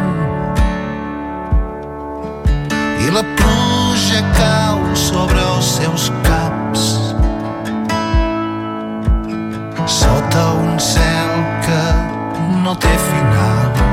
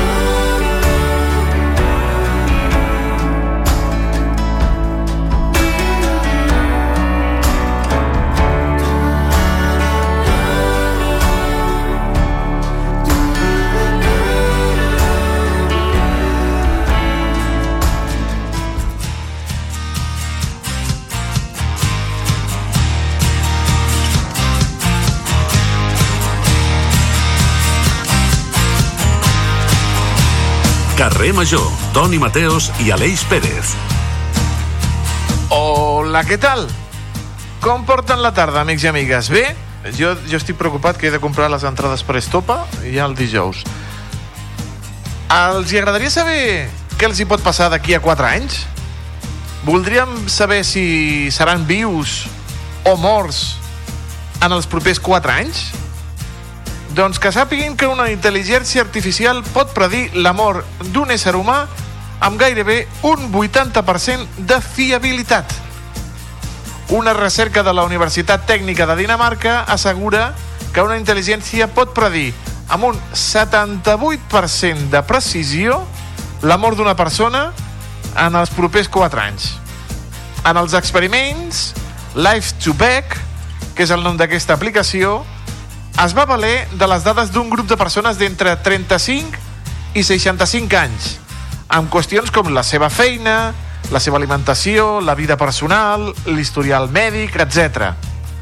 El resultat que va llançar va predir correctament en un 78% dels casos de qui viuria i de qui moriria en els 4 anys de la investigació. Un 80%! És una xifra molt, molt alta. Aquesta inquietant intel·ligència artificial ha obert el debat a Dinamarca i al carrer Major. És bo saber-ho? O millor no? I qui, I qui ho pot saber? Si en els propers 4 anys estarem fent una migdiada eterna? Imaginin que aquesta informació sobre vostès arribin a mans del seu jefe o a la seva companyia asseguradora i et diguin, eh, senyor, no li renovem l'assegurança vida. Per què? Ah. Una aplicació que fa tremolar. Aleix Pérez, de la nova ràdio de Reus, t'agradaria saber si d'aquí 4 anys estaràs viu o planxant orella, estimat? Eh, molt bona tarda, Toni Mateos. Doncs no ho tinc del tot clar, la veritat. No? A més, jo, a veure, també... Jo ho tinc molt clar, jo no vull saber, eh? Jo no, no, no, no. Però clar, si ho saps també, potser viuràs més intensament, no? Imagina't que... I si falla? No, però I imagina't que t'has de morir en 4 anys i no ho saps, clar, i, i si Pues, pues consideres vius. que estàs desaprofitant la teva vida. A- A Vius. més, ja, a, a més també jo estic com en un moment vital en què, clar, per tu 4 anys no són el mateix que per mi, saps? Oi, Crec oi, que- clar, ah, clar, per clar, mi, clar, jo quan... Clar, clar, com Toni està Mateos. ja en la per- decadència, clar, Mateos. Jo tinc una, una concepció de, del que és la meva vida que és molt més curta del que és la teva. Per tant, jo crec que, que per mi 4 Mare anys meva. no són el mateix que ho són per tu, crec. Mare meva, com, com m'estàs posant? M'estàs deixant valeix, allò de... Estàs en la decadència de la flor, No, Mateu. home, no, tampoc, meva. tampoc, tampoc. Però ho voldries saber si d'aquí 4 anys estaràs planxant l'orella? A veure, en... potser hi ha una part que espanta, no? Una mica com la pel·li aquella que es deia In Time, si no m'equivoco, que vivien Sí, a sí, mesura sí. Del, del temps que tenien. Del temps en el braç, correcte. Clar, clar, que és, és, és una mica violent, però jo crec que, jo crec que sí. O sigui, si m'he de morir en 4 anys, potser eh, m'agradaria saber. Potser sí que m'agradaria saber. Home, eh, i si falla? I si falla la intel·ligència artificial i ets del 20% eh, que, que, que, que falla la, la intel·ligència? Ah, i després te gastes tot el sou que tens i tots els estalvis tu has gastat en festes en, en rock and roll i en disbauxa i després arriba el moment de ah, no, mira, pues ara has de continuar vivint Aleix, ja està pagada la hipoteca i el crèdit que et vas demanar per anar-te'n a... Ai, Ai, no. els nostres plans, estimats amics, és acompanyar-los aquesta tarda fins a les 6. Després, són 8 emissores, com Ràdio Ciutat de Tarragona, Altafulla Ràdio, Ona la Torre, Ràdio Montblanc, Ràdio La Selva del Camp, Baix Camp Ràdio, la nova ràdio de Reus i Ràdio Hospitalet de l'Infant. I juntament amb la xarxa portem molts anys, moltes temporades, acompanyant-los a la seva ràdio. L'Aleix ho vol saber. En Diego Moreno no ho sé, eh, però ell està als controls tècnics i un servidor, el Toni Mateos, que no ho vol saber, ni de conya, i que a més a més ni sóc artificial, ni intel·ligent, i estic aquí darrere dels Bueno, sí, home, sí, intel·ligent, sí. Artificial no, però intel·ligent, sí. Benvinguts a la ràdio, benvinguts a Carrer Major.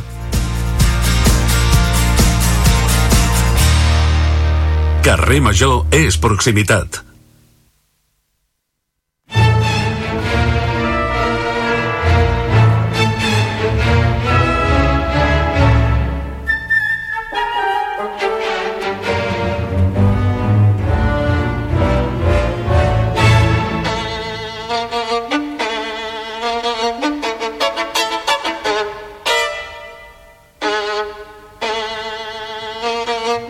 Ai, Aleix, que vols saber si moriràs d'aquí 4 anys. Sí, sí, sí. És hora de tancar l'any i de fer balanç i reflexió. I una de les entitats que ha tingut un any ben mogudet, amb un munt d'actuacions a les seves esquenes, és la JOIC, la Jove Orquestra Intercomancal del Camp de Tarragona. Volem parlar de com preparen el Nadal, també donar un cop d'ull a aquest any ple d'actuacions i de bona música i els projectes de futur. Per això hem convidat el seu director, el Marcel Ortega, que el tenim a l'altre costat de la videotrucada i al qual el saludem. Marcel Ortega, molt bona tarda. Ep, espera, que, que, que, que no l'acabem de sentir. Ara, ara, ara. Ara, Marcel, Ara, ara. bona tarda. Sí. Perfecte. Bona tarda. Com estem, Marcel? Com portem els nervis d'aquest concert de Nadal? Ah, molt bé, no, nervis un. Sou molt valents. Sí, sí. És la nostra feina. Vilaseca i Tarragona, en guany, en dos concerts, tant al Conservatori al, al, al Josep Carreras de, de Vilaseca i també a Tarragona. Has dit que els nervis eh, no ha arribat, però suposo que quan s'acostin les dates, una mica sí, no, Marcel? No, jo no em diria nervis, és dir, són ganes, és il·lusió, és molta motivació, nervis en el, en el bon sentit, és a dir, qualsevol actuació, qualsevol moment de pujar de, dalt de l'escenari implica un, un, un estat anímic, però normalment quan parlem de nervis diem com si fos una cosa dolenta o lletja, jo crec que tot el contrari, no? És més aquest, aquestes ganes de tenir-ho molt bé, de sortir, de compartir amb el nostre públic eh, la nostra música, bàsicament. Mm -hmm. Quin programa teniu preparat per aquestes eh, dues dates de Nadal al Camp de Tarragona? Quines són eh, el programa que teniu en ment? Doncs normalment per Nadal el que fem són programes molt propers, molt, molt frescos, variats. En aquest cas portem un parell de fragments de ballets de Tchaikovsky que la gent coneix, la, la Bella Dorment i el Trencanous. Portem dos moments en concret que són molt bonics, eh, l'apoteosi, que és un dels moments finals de, del ballet, després el pas de dos, que és un moment hiperlíric amb una melodia preciosa. Després fem la siciliana de Foré, que és una melodia també molt coneguda, amb, amb la flauta, l'arpa i l'orquestra compla una miqueta de textures, i una de les peces importants serà el concert per violí de Mendelssohn, que també és un dels hits del repertori orquestral i que el fem perquè justament l'Enric Moya va guanyar el concurs per solistes que fem cada any amb l'orquestra i l'acompanyarem. Exacte, volia incidir aquí una mica, Marcel, que és, que és aquest concurs de solistes, com sorgeix la iniciativa i una mica també com va ser el procés fins a la selecció de, en aquest cas, l'Enric Moya com a solista. Bé, doncs el concurs és, um, és això, és un concurs que fem per, per joves músics. Va néixer del fet que nosaltres, des del primer concert que vam fer amb l'orquestra, sempre intentàvem fer alguna cosa amb solista, amb algú jove, no?, per donar-li una oportunitat. Primer eren de la casa, després hi havia tanta gent que tenia ganes de fer coses amb nosaltres com dir, bueno, doncs anem-ho a fer bé, anem a fer un concurs i qui vulgui s'hi presenta. I doncs crec que enguany ha estat la novena edició, així que molt bé, i l'Enric doncs se va presentar di- diversos candidats, vam fer el concurs a Reus, a una escola de música, que ens van deixar les instal·lacions, la veritat que una, una passada, tot molt bé, i l'Enric ho va fer de manera, de manera increïble, llavors de seguida va estar clar que es mereixia el primer premi.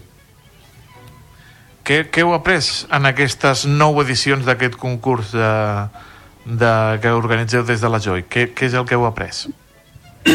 Jo crec que hi ha una gran diferència, parlo com a tribunal, a l'hora de veure els candidats, entre qui realment està a punt per posar-se davant d'una orquestra, davant d'un públic, i que et dona aquesta plena confiança com a públic, i qui no. És a dir, tothom s'hi ha esforçat molt, tothom arriba ben preparat, no hi ha ningú que es presenti a un concurs per anar a fer-ho de qualsevol manera. Però hi ha un, hi ha un perfil en què veus um, o en què empatitzes amb el candidat i dius, ai, que no, que no li surti malament, no? Que, o sigui, involuntàriament l'estàs tractant com, com una persona que no està del tot preparada, com un alumne que el vas a veure en una audició i, i pateixes per ell, per dir-ho així. I en canvi hi ha aquell, aquell perfil que dius, ostres, té les claus del cotxe i condueix tu. I aquest és el solista, aquest és el que realment ho porta molt bé, és el que realment aniries a veure'l a un concert. i això és el que, el que es busca no tant per, per premiar persones que ja estiguin superben preparades, sinó perquè a l'hora de premiar algú has de premiar qui ho porta realment molt bé. Has de donar-li una gran oportunitat que és posar-se davant de l'orquestra. Per tant, quines característiques creus que ha de tenir un bon solista d'orquestra? A veure, eh, el, el talent o el tens o no el tens, però vivim en un món en què ens pensem que tot és molt fàcil i que del talent se'n viu. Llavors jo crec que justament algú que vulgui estar a primeríssim nivell el que necessita és una, una, una enorme tenacitat, resiliència, capacitat de treball, capacitat d'assumir el fracàs, capacitat d'aprendre. Eh, són tot de valors que, que bueno, jo que també em dedico a la, a la docència, veus que cada cop abunden menys i que realment són aquells valors que fan la diferència. I de talent n'hi ha molta gent que en pot tenir, però qui el transformarà realment, qui farà florir aquest talent i en podrà fer una opció de vida, podrà desenvolupar la seva personalitat, és qui sigui capaç de creure-hi i de treballar dia rere dia, també de saber-se envoltar de les persones que l'aconsellen, que l'ajuden a treballar, etc potser són aquestes. A part del fet de, de tenir aquest convenciment, eh? vull dir, això és com un escriptor, si no tens res a dir, ja pots escriure molt bé, però tu has de tenir alguna cosa a dir, tu has de tenir ganes de posar-te davant d'una orquestra, has de dir, home, jo tinc aquest caràcter de, de solista, de dir, vinga, tots darrere meu. Evidentment hi ha d'haver aquesta voluntat, només faltaria. Talent més, més treball, aquesta és, aquesta és la combinació. Eh, un any també que heu tingut des de la Joic ple de, de, moltes, eh, de molts concerts i de moltes actuacions.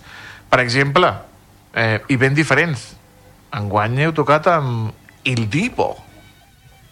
Sí, sí, sí, ja, ja fa diversos anys. La veritat és que ja fa, fa, fa una colla d'anys i, i resulta molt atractiu tant per l'orquestra com per la productora. I vam tocar també un any amb, amb Los Secretos a l'Auditori de Barcelona, tot ple fins a la bandera. Sí, sí, és, són produccions d'aquestes en què bueno, doncs hi ha un rock sinfònic, un pop sinfònic et venen a buscar, saps que això motiva molt els músics, els treus del context habitual i bueno, és un win-win. I com són els assajos amb, amb aquestes veus d'Il Divo que són tan conegudes eh, internacionalment? Depèn molt de la producció, perquè se sol fer playback moltes vegades. És a dir, és una... Eh, pl- eh, perdó, perdó, playback qui? Ah, eh, Il Divo? L'orquestra. Ah.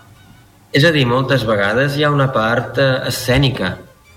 És a dir, ells venen amb les seves pistes pregravades Mhm. i a vegades tu el que has de fer és treballar amb ells musicalment, però en realitat no tocaràs. Llavors, les entrades, tu has d'anar amb la música al 100%, tu has de saber eh, la cosa ha de funcionar, però potser no serà el teu sol que està sonant en aquell moment, es va tot amb claqueta, està tot hipercontrolat fins a l'últim detall, des de les llums fins als moments d'entrades i sortides de l'escenari, les bromes, tot, o sigui, són espectacles que venen perfectament preparats. Hi ha altres vegades que toques pocs músics, però hi ha un tal treball de, no sé si dir-ne postproducció, però sí edició del so en directe, que després es provoca allà doncs, un efecte de mega orquestra. I totes aquesta mena de produccions tenen treballs molt, també molt milimetrats i en molt poc temps. S'envien els materials, la gent s'ho estudia, tens una sessió de treball amb ells, pim, pam, pim, hi ha una escaleta del propi assaig i has de tenir-ho tot més capamat. Sí, sí. Per tant, llavors crec que també permet no, als músics que en general els que formen part de la JOIC són bastant joves també a foguejar-se i aprendre doncs, la diversitat musical que, que requereix també la vida de, de l'artista. Totalment. I a més a més també aprenen que, bueno, que el conservatori um, se'ls prepara tècnicament. No? A vegades jo crec que, que el conservatori o, o en general l'ensenyament musical podem tenir la sensació que és una espècie de nínxol o és un àmbit tancat, però amb les eines que se t'estan donant tant, tant et pots tirar a la piscina del món purament clàssic com del món de les músiques de pel·lícula. Jo tinc companys de promoció que estan fent musicals, que és gent que està fent jazz. És a dir, al final el que tenen és un ventall d'eines i de possibilitats i de, i de capacitat de treball que els permet abastar tot això. A la Joic, eh, fins quina edat eh, poden formar part de, de la jove orquestra intercomarcal? Perquè aquí hi ha canvis de generacions, no? Cada cert temps eh, hi ha nous músics. Sí, a veure, normalment, clar, quan la vam fundar, que érem tots de la mateixa edat, havíem acabat el conservatori mitjà, començàvem el superior, teníem tots 18, 19, 20, 21 anys, i ara tenim un span més o menys dels, dels 16 als 30. També és cert que gent que t'arribi fins als... Jo ara mateix jo sóc el més gran, jo quan vam començar l'orquestra jo no era el més gran, jo en tinc 33. Eh, també és cert que És, és aquesta fort, eh, renovació... que diguis que ets el més gran amb 33 anys. És fort, eh? Bueno, però és que en veus, en veus que t'entren en 15 o 16 i dius, clar, és que és la meitat de la meva edat. Um, no, el que em venia a referir és que, clar, hi ha molta part de renovació automàtica, vull dir, un projecte així pot ser interessant per algú d'una certa edat, d'un cert moment vital, tant pot ser interessant pel que està en un conservatori mitjà com pel que està en un superior, com pel que ha acabat un mitjà i s'està dedicant a fer telecos, però vol seguir tocant a un cert nivell. Vull dir, hi ha molts perfils. El que sí que és cert és que a mi no m'ha tocat mai dir-li a ningú que no cal que vingui per l'edat que té, sinó que això ja es produeix de manera molt natural. El que crec que sí que ha estat un repte no, per aquesta producció és que teniu molta gent, ha sigut complicat no? també inclús a l'hora de fer selecció per a aquesta producció. Està en molt bon estat de salut la Joic. Bé, la veritat és que el postpandèmia va ser dur, perquè, perquè clar, durant la pandèmia vam poder mantenir l'activitat de l'orquestra. No vam, arribar, vam cancel·lar un concert la pròpia primavera de la pandèmia, però els estajos de Nadal i de Pasqua dels dos anys següents els van poder fer. Què vol dir que la gent la gent que venia de primera vegada venia però si no venien a l'estiu que és quan fas l'estada en una casa de colònies és quan fas la convivència, és quan aportes tota aquesta part de, de vincle, de vivència no? llavors doncs potser vivien només la part més dura dels estajos de durant l'any i llavors passada la pandèmia ens havíem trobat que teníem una generació de dos, tres, quatre promocions que, que havien volat no? i a més també per motiu que fos coincidíem molt que, que teníem en aquell moment poca gent justament de, de, de Tarragona i ara de sobte hem tornat a aconseguir despertar l'interès de tota aquesta franja d'edat i de la gent de la terra i al final, per molt que et vingui gent de València, de la resta de Catalunya, de l'Aragó, d'on sigui, el has de tindre una forta implantació territorial i això ho hem recuperat efectivament. Parlava l'Aleix de l'estat de salut de la, de la Joic. Quina carta teniu preparat al Pare Noel o als Reis Mags de cara, de cara a l'any vinent, Marcel? Per si per carta en tens desitjos, jo desitjaria dues coses. La primera, que el jovent que entra tingui la mateixa capacitat de treball i de compromís que vam tenir altres fa 15 anys quan vam crear l'orquestra i no és, una, no és una crítica, eh? però sí que notes que s'ha anat instal·lant una cultura del tastaulletes i del fast food, no? del, del vinc una vegada, mira, per, per provar-ho i tal, i encara que quedin supercontents prefereixen tindre 15 experiències en 15 orquestres diferents i tocar-les una sola vegada que tenir continuïtat. És a dir, jo crec que això és un repte per tot el món associatiu en general i més pel món jove, que és on, on puja aquest gran canvi de tendència. I per altra banda, desitjaria, i això ja fa anys que és un desig important, poder comptar amb un compromís institucional a nivell econòmic i a nivell de, de suport eh, més fixe o més... O sigui, cada any és... Veure, quan, amb tal ajuntament, com ens ho farem, amb tal lloc on anem a assajar, com queda la cosa? Costa molt signar convenis, costa molt que et, que et facin una subvenció, ja pots defensar el projecte, ja pots explicar que tens 14 anys o 15, ja pots explicar que han passat més de 300 músics per la casa, pots explicar moltes coses que ara mateix cada any no saps què serà de l'orquestra l'any següent i això crec que, vamos, segur que amb qualsevol persona que hagi parlat del, del teixit associatiu en general és la, és la realitat. I en part també, no, Marcel, perquè condiciona molt la producció al cap d'un any, no? La manera en com es treballa també són molts mesos vista i és complicat a vegades també sense aquestes ajudes i aquestes subvencions poder treballar amb tranquil·litat. Sí, clar, vull dir, nosaltres, nosaltres de subvencions, subvencions com a tal, només en vam demanar una l'any 2012, vam aprendre de l'experiència i no n'hem tornat a demanar cap perquè vam sortir molt escaldats llavors sí que és cert que l'Ajuntament de Tarragona ens cedeix el Teatre Tarragona i per tant això es podria entendre com una contraprestació econòmica perquè si no ens el cobrarien Vull dir, això és evident, no? El Tarragona ens programa i hi ha diners pel mig això està molt bé. Però, però certament el lloc on assages bueno, i l'any que ve, escolta, i per què no signem... Ah, I... A veure, no és que programis diferent, al final eh, realment el que, el que et fa programar diferent és saber si tens una plantilla de 40, de 50 o de 60, si comptes amb arpa o no tens arpa, si tens quatre percussionistes o en tens set. Això és el que et fa fer uns programes diferents. O si algú ha tingut la brillant idea de fer una producció amb l'Arnau Tordera, hosti, fem-la, que ja l'hem fet, estic posant casos reals. Però al final nosaltres no podem deixar de fer, de fer girar la roda i de dir tenim Pasco, tenim estiu, tenim Nadal i hem de fer tot el possible perquè això es faci. No sé si t'he respost del tot, eh? No, no, i tant, i tant. Ah, ahir parlàvem amb, amb uns músics que estan vivint a, a Roma i que venen a presentar doncs, unes variacions de Robert Gerard eh, mm. i diuen que Europa és, és un lloc on, on cuiden la cultura i veiem que aquí hem d'aprendre moltíssim, no? Eh, si mirem cap, a, cap al nord, si mirem els nostres veïns damunt, perquè allà els cuiden, els respecten, i aquí, com has dit tu, vau demanar una subvenció i mai més per, per lo cansats que vau quedar i, i, i lo rebentats que vau quedar, no? Sí, a veure, també et diré una cosa, em vam demanar una altra a l'any següent, però aquella passava per Comissió Europea i allò va anar com una seda. Però és que ja et dic que Europa... Però també, a veure, aquí, aquí hi hauria diverses reflexions. Eh?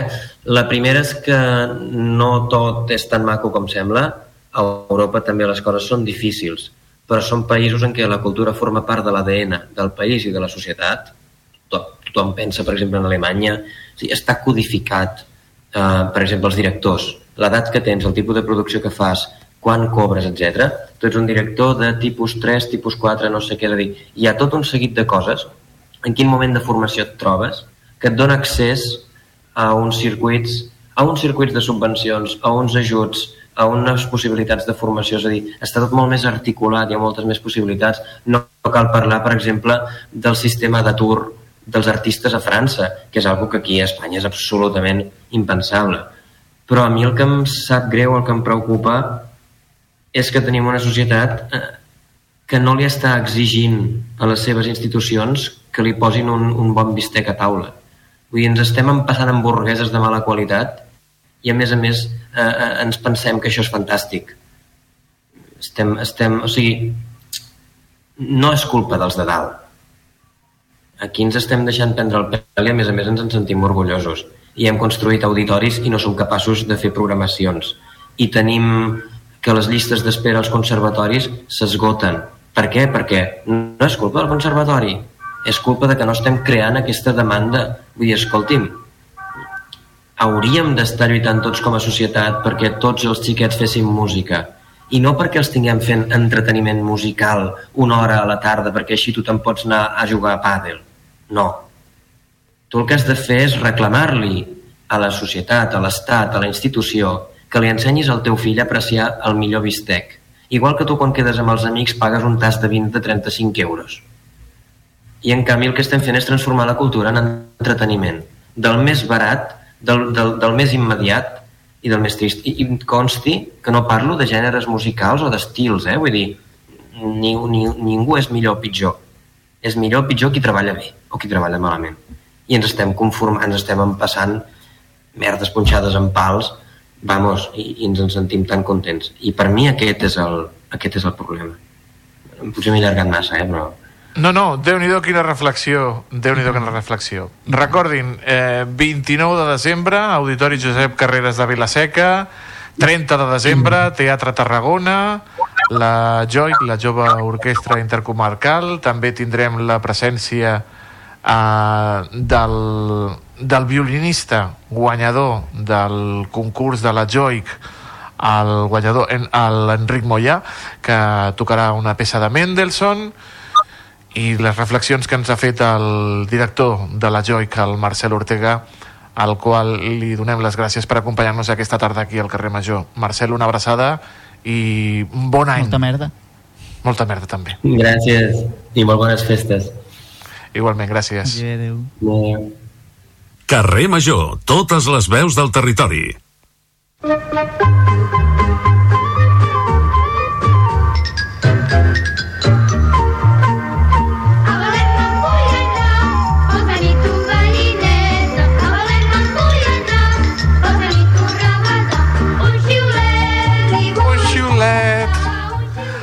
Ai, Aleix, vinga, va. Després de la música clàssica anem amb les Nadales. A Valem me'n vull anar. Vols venir tu? De les més tradicionals, les més típiques, anem a fer una repassada de les lletres d'aquestes cançons amb la nostra lingüista, la- l'Agnès Toda, que estava eh, cantant-les de, de fons. Agnès, eh, bona tarda i benvinguda. Eh, bona tarda i bon Nadal, bones festes, que ja, ja no ens veurem més. O ja no Ja, ens escoltarem exacte. més. Bé, no, Bueno, sí, no es escoltar ens podem escoltar, però eh, bé, avui fins, jo ho deixo fins després de festes. Ben fet, ben fet, ben fet. Mira, jo tinc molts dubtes amb les cançons de Nadal. Eh... Primer, el 25 de... Fum, fum, fum, eh, Fill de la Verge Maria, n'és nat en una establia, o nascut en una establia, fum, fum... És que el fum, fum, fum té diverses versions, no? Bé, és que, clar, les Nadales és una és una d'aquelles coses com les cançons, ja els hi passa això, les cançons genèricament, que, que es van passant de boca, de boca en boca, de boca a orella, no? a través del boca a orella, i, i que aleshores n'hi ha versions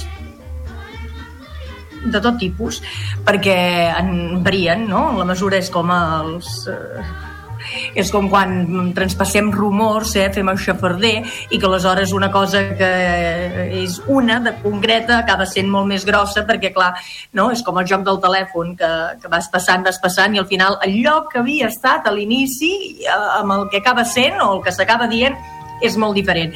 Aleshores, les Nadales eh, els hi passa una miqueta, una miqueta això, i clar, llavors hi ha lletres eh, per donar vendre i regalar, diguéssim.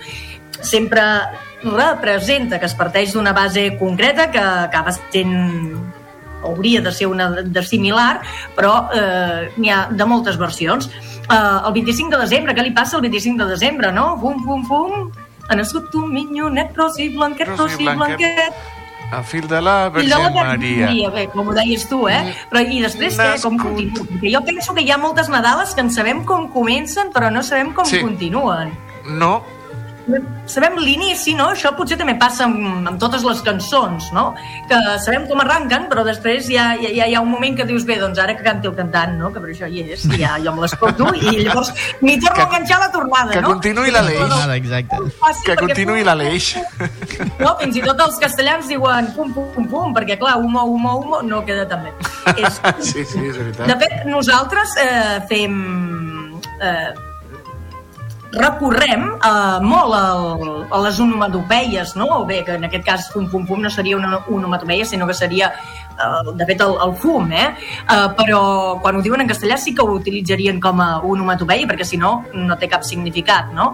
Eh, eh, a mi m'agrada molt una de una de cançó i jo volia parlar d'aquesta perquè bé, els catalans som així com una miqueta particulars, no? som molt escatològics especialment per Nadal, perquè tenim el tio que caga regals, tenim el caganer que el posem eh, al pessebre eh, i llavors mm, bé, no està vinculat amb això però sí que doncs habitualment els dimonis que són els dolents i que es queden allí com apartadets i en canvi nosaltres tenim la cançó del dimoni escuat no? i aquí és on Home. anava no? que precisament ja es, es, fa, es recorre molt eh? Eh, es fan servir molt les onomatopeies i, i bé, doncs eh, Com- com- com sabeu diu- com diu Aleix? aquesta, aquesta Com fa, com cançó? fa?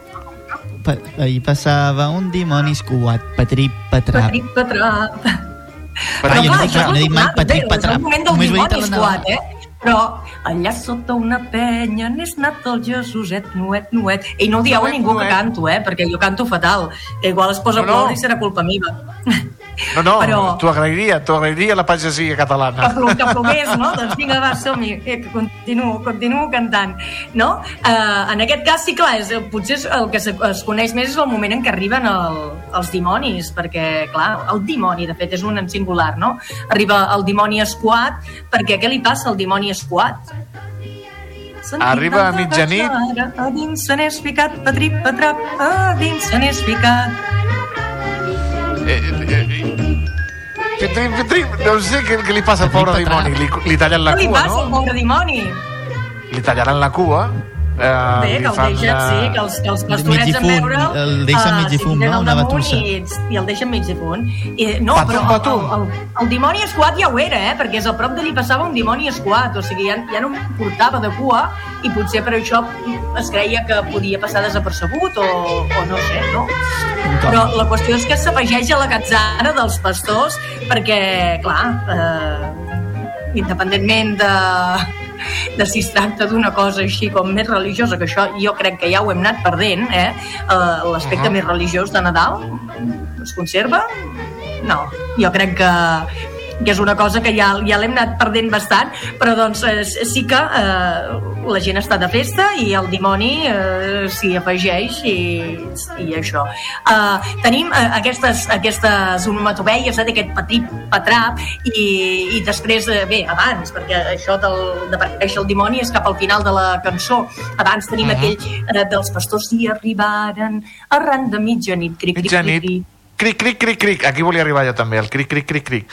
I, i n'hi ha una Ah, altra... perquè aquí no fan, intenten no fer tants de soroll. Després resulta que hi ha una festa, fan una rave, i a la rave doncs, no passa res perquè ja s'han apartat de tota la gent que està dormint, eh, però doncs mentre, mentre arriben és, és cric, cric, cric, cric, sí.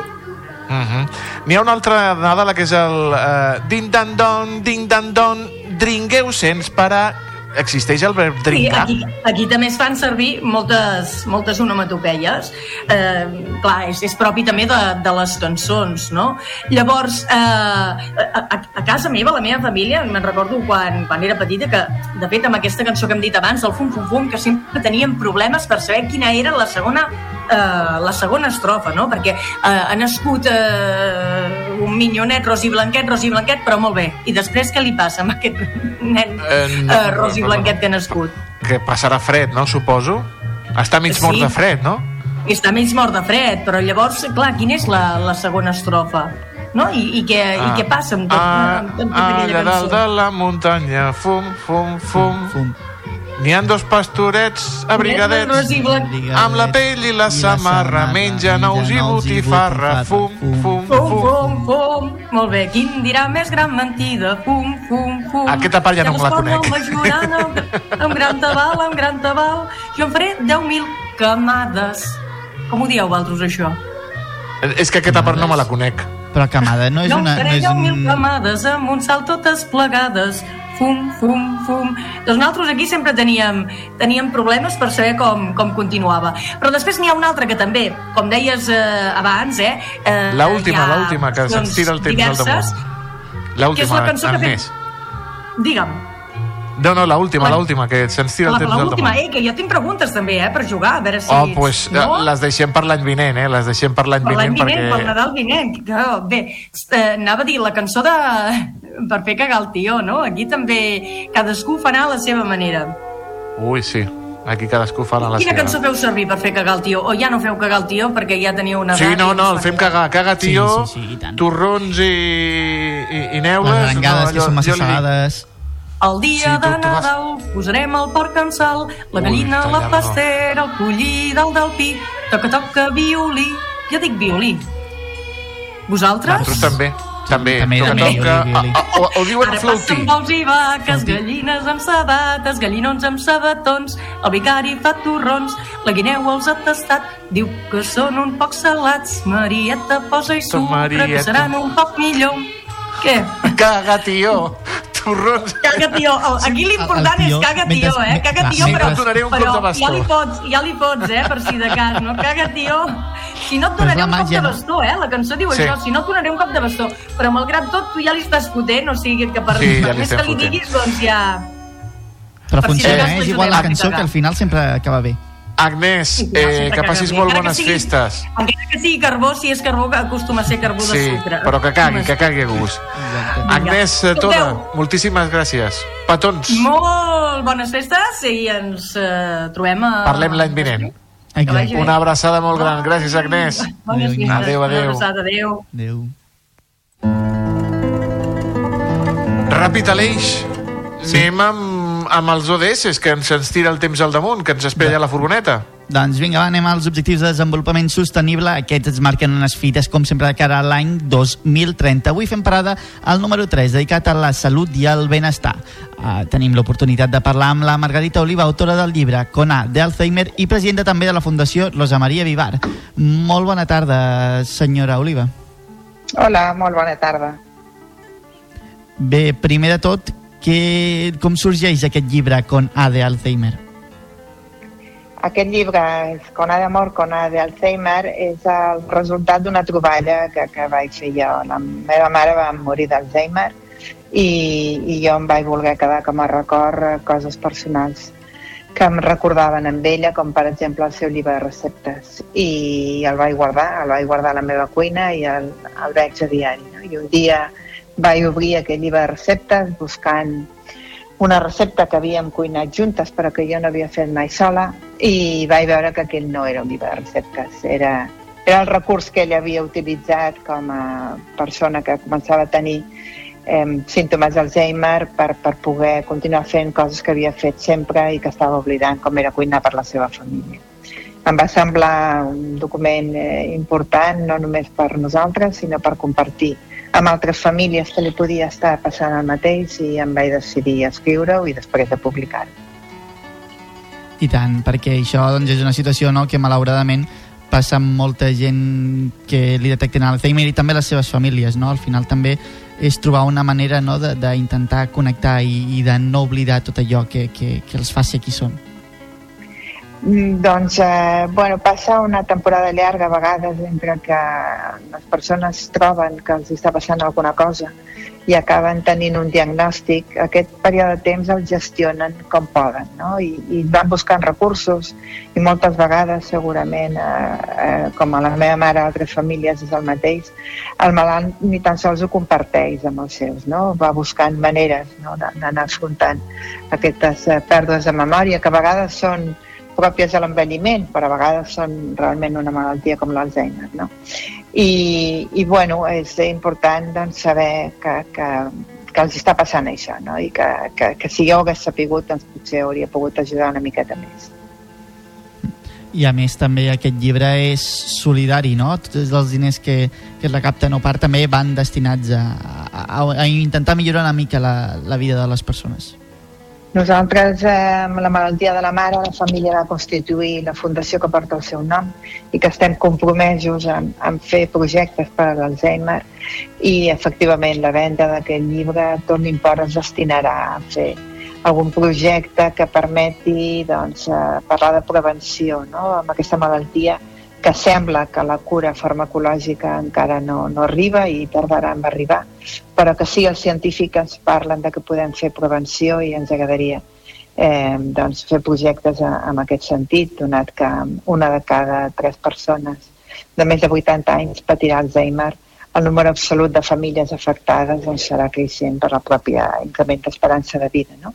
I que doncs, eh, tot el que puguem fer, encara que sigui amb una humil participació no? amb la venda d'un llibre, doncs, eh, estarà bé. Ha una sensació no, de que malauradament doncs, so, és, és per un costat tota aquesta feina de prevenció però a vegades també doncs, tot el sobrecost no? i, el, i el, la importància d'estar de, de, al costat de la persona que, que pateix la malaltia en tots els, en tots els trams de, de, de, de l'Alzheimer. Sí, sí, és una malaltia llarga, és una malaltia progressiva, és una malaltia que fa que la persona vagi perdent autonomia i que cada cop necessiti més eh, fins a una dependència a les 24 hores del dia i això doncs, sempre és difícil de gestionar i, i, i no, no només logísticament no, sinó també emocionalment i realment doncs, eh, és de les malalties que, que pot eh, doncs, afectar molt al, al malalt i a, la, a tota la família, efectivament.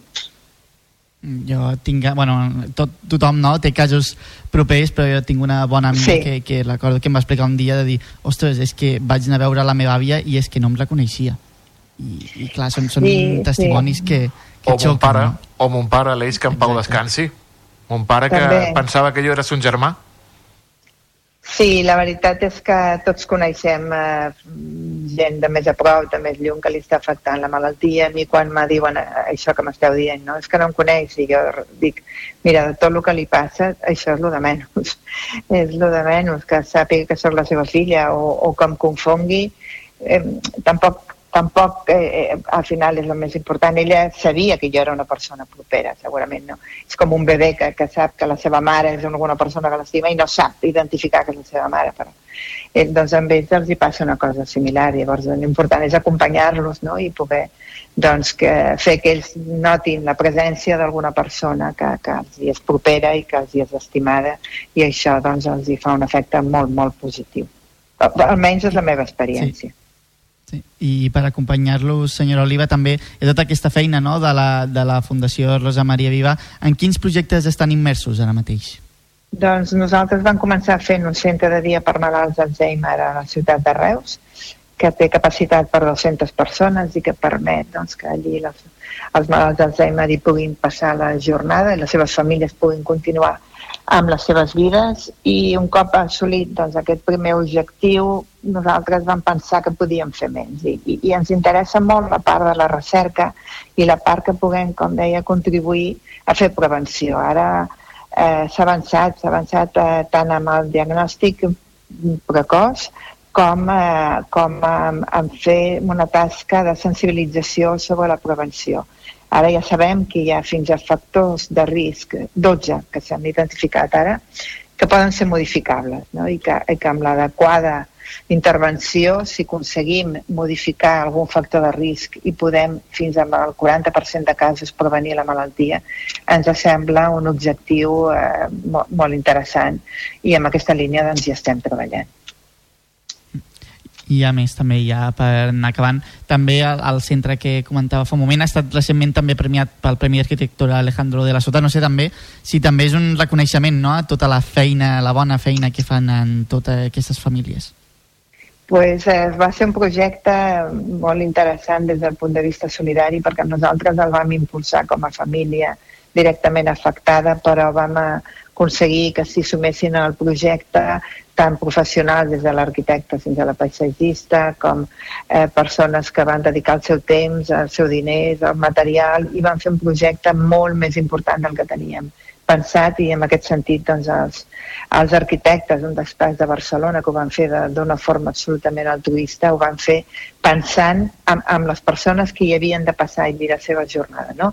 en persones amb Alzheimer.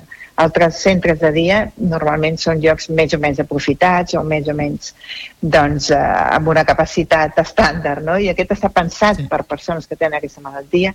Té una construcció amigable, que és en fusta, té uns espais molt oberts, té molta llum i, i el disseny dels espais doncs, ajuden a suportar aquesta malaltia portada per professionals i realment va rebre un premi d'arquitectura que és un reconeixement no? amb, amb una feina molt ben feta que no és habitual no? en projectes sí. que estan fets per malalts que tinguin al final un premi d'arquitectura i n'estem molt orgullosos i molt segurs de que l'important no és el premi el, el premi només ens està indicant que vam fer bé la feina i que Exacte. aquells malalts que passen allí la jornada doncs hi estaran bé?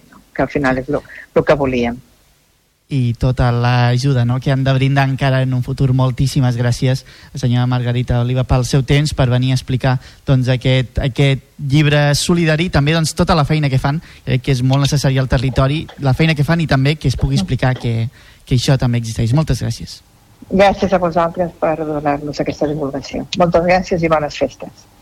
Bones festes, fins gràcies, la propera. Una abraçada, gràcies. Una abraçada, adéu, adéu. Anem amb la furgoneta, Aleix, que se'ns tira el temps al damunt i a mi s'ha obert la gana. I qui millor Ai. per parlar de menjar i de bons aliments que el convidat que té la Cristina Artacho. Cristina Artacho, bona tarda.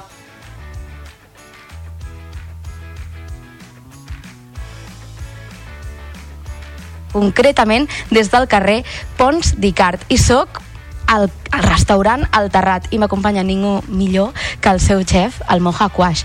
Parlem d'una fita important i és que el restaurant compleix 5 anys des de la seva inauguració. Moja, eh, com eh, aquesta fita, què significa per tu i pel restaurant? Bueno, per nosaltres molt, no?, perquè eh, és un projecte que neix amb molta il·lusió i, bueno, doncs ha anat, ha anat evolucionant durant aquests cinc anys, estem molt contents aquí a Tarragona i, i bueno, doncs hem passat per moltes coses, eh, hem passat un Covid, o sigui que han hagut diverses històries durant aquests cinc anys, no? però som aquí, estem contents i continuaré, continuem amb la mateixa il·lusió que, que al principi. No sé ben bé com és la teva carrera com a xef. És aquest el teu primer restaurant?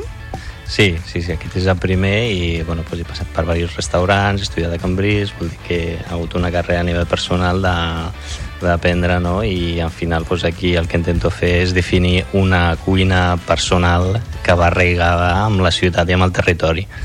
Ens pots explicar una miqueta més detalladament com és aquesta cuina personal? Quin és el, el teu segell d'identitat, el, segell, el segell d'identitat del Terrat?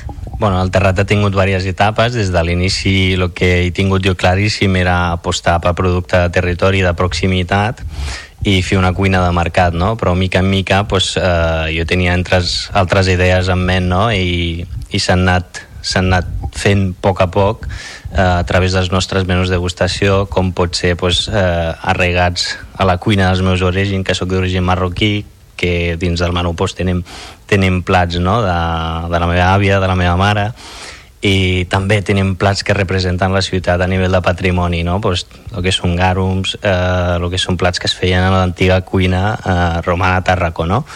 i el que són plats típics de Tarragona, com pot ser un romesco de, del barri de Serrallo, eh, com pot ser el peix blau, doncs tots aquests productes sempre han estat presents al terrat. Parlaves una miqueta de, de l'evolució del restaurant. No sé quines coses han canviat des del primer dia fins avui i també quines coses no han canviat i es mantenen. Bueno, hi ha algun plat, algun aperitiu, que són ja uns clàssics de restaurant que no es poden canviar perquè bueno, la gent li agrada tant i no tenim manera de canviar-los, no? Però nosaltres som, sempre estem innovant, canviant i ens agrada molt, però després hi ha certes coses, com pot ser doncs, un plat que fem de romesco de gamba vermella de Tarragona, doncs és un segell d'identitat eh, partint des de la vaixella, que és una columna romana, eh, el romesco, la gamba vermella, que és un producte excel·lent de Tarragona, després tenim dos aperitius, que és un sàndwich de foie que fem amb sardina fumada, que aquí estem tocant el peix blau de Tarragona, estem fent una combinació de mar i terra, una falsa oliva que fem farcida en oli d'oliva i anxoves doncs aquests, bàsicament aquests tres no s'han tocat mai perquè bueno, sempre la gent, la gent els vol i cada vegada que hem intentat canviar hem tingut que tornar a ficar una altra vegada en els menús aquests aperitius i aquest plat en concret no? I, i els altres, pues, segons temporada, pues, eh, van, van canviant, no? O sigui, cada dos o tres mesos eh, revisem els menús i, i introduïm coses noves. Com definiries el terrat? El terrat és un concepte únic perquè fa una cuina molt personal, molt personal, el que et deia abans, que va amb els meus orígens, eh, representa el que és el passat romà a Tarragona i plats autòctons de Tarragona eh, ciutat, no? I al final es crea una cuina única personal que no hi trobaries en altres establiments, no? perquè s'ha treballat eh, aquesta línia durant tots aquests anys i s'està aconseguint i estic molt content perquè al final el que volia jo eh, que és que el terrat fos diferent de la resta eh, de restaurants, que tingui algo únic, algo personal, eh, com et deia a l'inici, que és un projecte personal, que se necessita molta il·lusió i al final l'objectiu és arribar aquí on som ara, no? Parlaves abans de noves pinzellades, no? de que eh, en algunes ocasions al Terrat heu fet plats no? relacionats amb la cuina de, de l'antiga Roma. Eh, hi ha una associació de Tarragona, que és Tarraco a Taula, eh, que es dedica precisament a la investigació gastronòmica, si no m'equivoco, i en la que estàs al capdavant ara mateix. Sí, exacte. De fet, estic de president des de que fa un any. Eh, trobo que és un tema molt interessant, no? perquè aquí ja anem una mica més de, de gaudir d'un àpat al restaurant, sinó que a través de la gastronomia, eh, cara a la gent que ve de fora, cara a la ciutat de Tarragona, de divulgar tot allò que va relacionat amb el patrimoni de la nostra ciutat. I això té molt de valor i nosaltres, de fet, de fa dos o tres anys que hem començat a treballar, a fer gàrums, a investigar com menjava aquesta gent, quins plats preparaven, quins productes eh, amb el que elaboraven els plats, no? Pues la cuina de l'antiga Roma també es basa en el que són les temporades dels productes, no?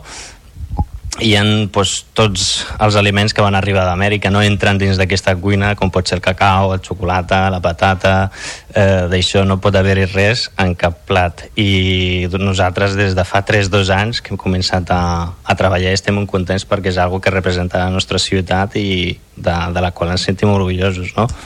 Hem mencionat la paraula garum en un parell d'ocasions. Estem nosaltres familiaritzats, potser, però jo crec que la majoria de gent no. Ens pots explicar una miqueta exactament què són? Eh, al final és una tècnica molt, molt senzilla de fer, és com elaborar unes anxoves, bàsicament és un salaó que el que fa és conservar el peix i allargant, diguem-ne, la, la fermentació o la curació de, de l'aliment, no? Es fa amb unes herbes de base, perquè els romans entenc que posaven aquestes herbes perquè no hagin bactèries o males olors i després són capes de peix que pot valdre qualsevol tipus de peix, un peix blau eh, retals de peix que ens sobren a vegades a cuina, que es llancen, eh, fetges de peix que a vegades es llancen també, i és una cuina també d'aprofitament alhora, i, i a nosaltres ens dona un joc molt interessant en aquest sentit que no llancem res del producte, ni l'espina, ni el cap del peix, i, i és, estic molt content personalment com a cuiner perquè no ens agrada llançar menjar. Llavors sempre busquem fórmules i maneres d'aprofitar tots aquests productes que a vegades, la majoria de vegades, en la majoria de restaurants, van directament a, a la brossa, no? I el garum ens permet aprofitar totes aquestes parts del peix que normalment es llancen, quasi a la majoria de restaurants. I actualment al, al món, la societat, no, vivim una crisi compartida, que és la crisi climàtica. No sé de quina manera això afecta al producte i per tant acaba afectant a, a la restauració. Bueno, eh, és una feta real, és a dir, doncs nosaltres treballem amb bastant de pagesos que les temporalitats s'allarguen, de fet fins al novembre hem tingut productes d'estiu, de, no? com pot ser la tomaca, com pot ser carabassó, cosa que abans no passava, no? que al novembre ja començàvem doncs, amb productes de tardor i ja començàvem a final amb productes d'hivern, no? com doncs, les cos, les coliflors, el bròquil, i entrava una altra línia de, de productes i fins ara eh, tenim mini carabassons, o sigui, el temps que fa continua a haver, a haver a flor i bueno, és una feta, és una feta i ho notem a través de, dels pagesos i ho parlem amb ells, o sigui s'allarguen molt les temporades, canvien, o sigui, un producte que només durava 3 mesos ara en dura 4 i els d'hivern no arriben perquè no fa massa fred, o sigui, és, és real això. Parlem no, de tota aquesta evolució del restaurant al Terrat durant aquests 5 anys de vida, però per acabar m'agradaria parlar del futur. Quines fites eh, et planteges com a xef? Bueno, com a, com a moja o com al Terrat, perquè al final al restaurant sento que sóc jo i el meu equip que m'acompanya, evidentment, perquè bueno, fan una feina excel·lent, tal com a sala com a cuina, i estic supercontent, i que són els que m'aguanten, els que estan amb mi al dia a dia i els que m'ajuden, no? Pues, continuar la mateixa línia que som i continuar investigant. El món romà per mi és molt curiós, hi ha moltes coses a fer encara, i jo crec que com a ciutat ho hauríem de treballar molt perquè és algo que val la pena, que s'ha quedat allà i, i mai... Eh, s'ha anat a, a rebuscar, a investigar i donar-se a conèixer perquè és algo que val la pena i que va lligat amb la ciutat i, i és un tema que ara mateix per més prioritari. Doncs el xef Mohakwash, el propietari del restaurant El Terrat, que aquest any compleix 5 anys de vida eh, i ha sigut la furgo d'avui. Fins la propera, ens veurem. Adeu. Gràcies, Cristina Artacho. I reserva taula, podria reservar taula, sí, sí. no, Aleix, per fer el sopar de Nadal del carrer Major, aquí al Home, Terrat, doncs, del Moja? Home, doncs, a mi m'ho ven molt bé, jo li compro tot el que, tot el que he dit al, al Moja, o sigui que jo, jo encantat, ja saps, a mi un bon lloc. Ja saps, que, que pagui qui més pinosa. Sí. Eh, mm, estaria molt bé. Nosaltres, amics i amigues, tornem demà. Gràcies, Aleix, una abraçada molt gran. A tu, Toni, fins demà, vagi bé, cuida't. Cuidin-se també molt i demà ens retrobem a la seva ràdio de proximitat, aquí al carrer Major. Adeu. Adeu. A la vez...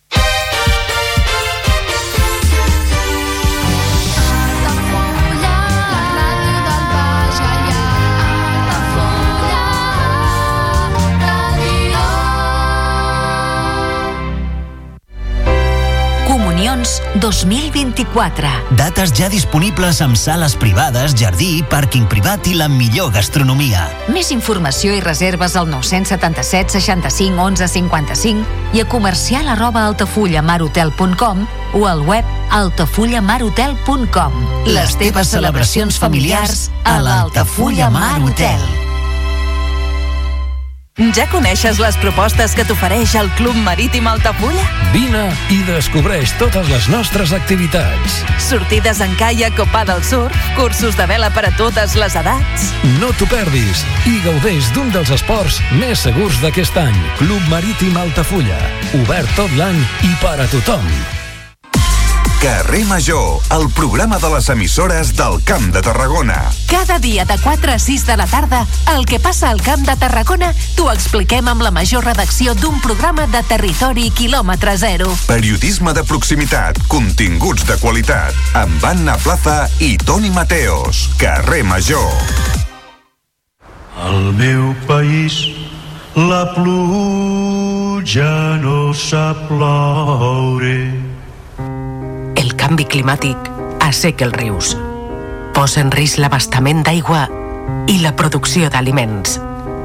Treballem per fer front a la sequera i garantir l'aigua, però cal l'esforç de tothom. Cada gota compte. La pluja no la controles, l'aixeta sí. Generalitat de Catalunya, sempre endavant. Enyoro dinar que la iaia quasi cada diumenge Veure jugar a l'Iniesta Tinc ganes de quedar-me aquí Enyoro els matins de ressaca després d'una festa. Avui fa tempesta, tinc ganes de quedar-me al llit.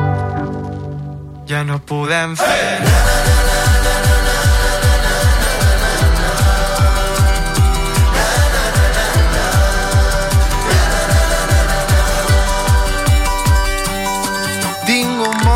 de festa que em fa ser inestable mentalment. Crec que no empatitzo gens amb la gent, però veig que he après a valorar els petits moments. Però estic tranqui fent d'estrangis un projecte amb el meu net. Busco pisos a habitacle i crec que sóc addicte. Són les 6 de la tarda. Les tardes d'Altafulla Ràdio, la ràdio del Baix Gaià.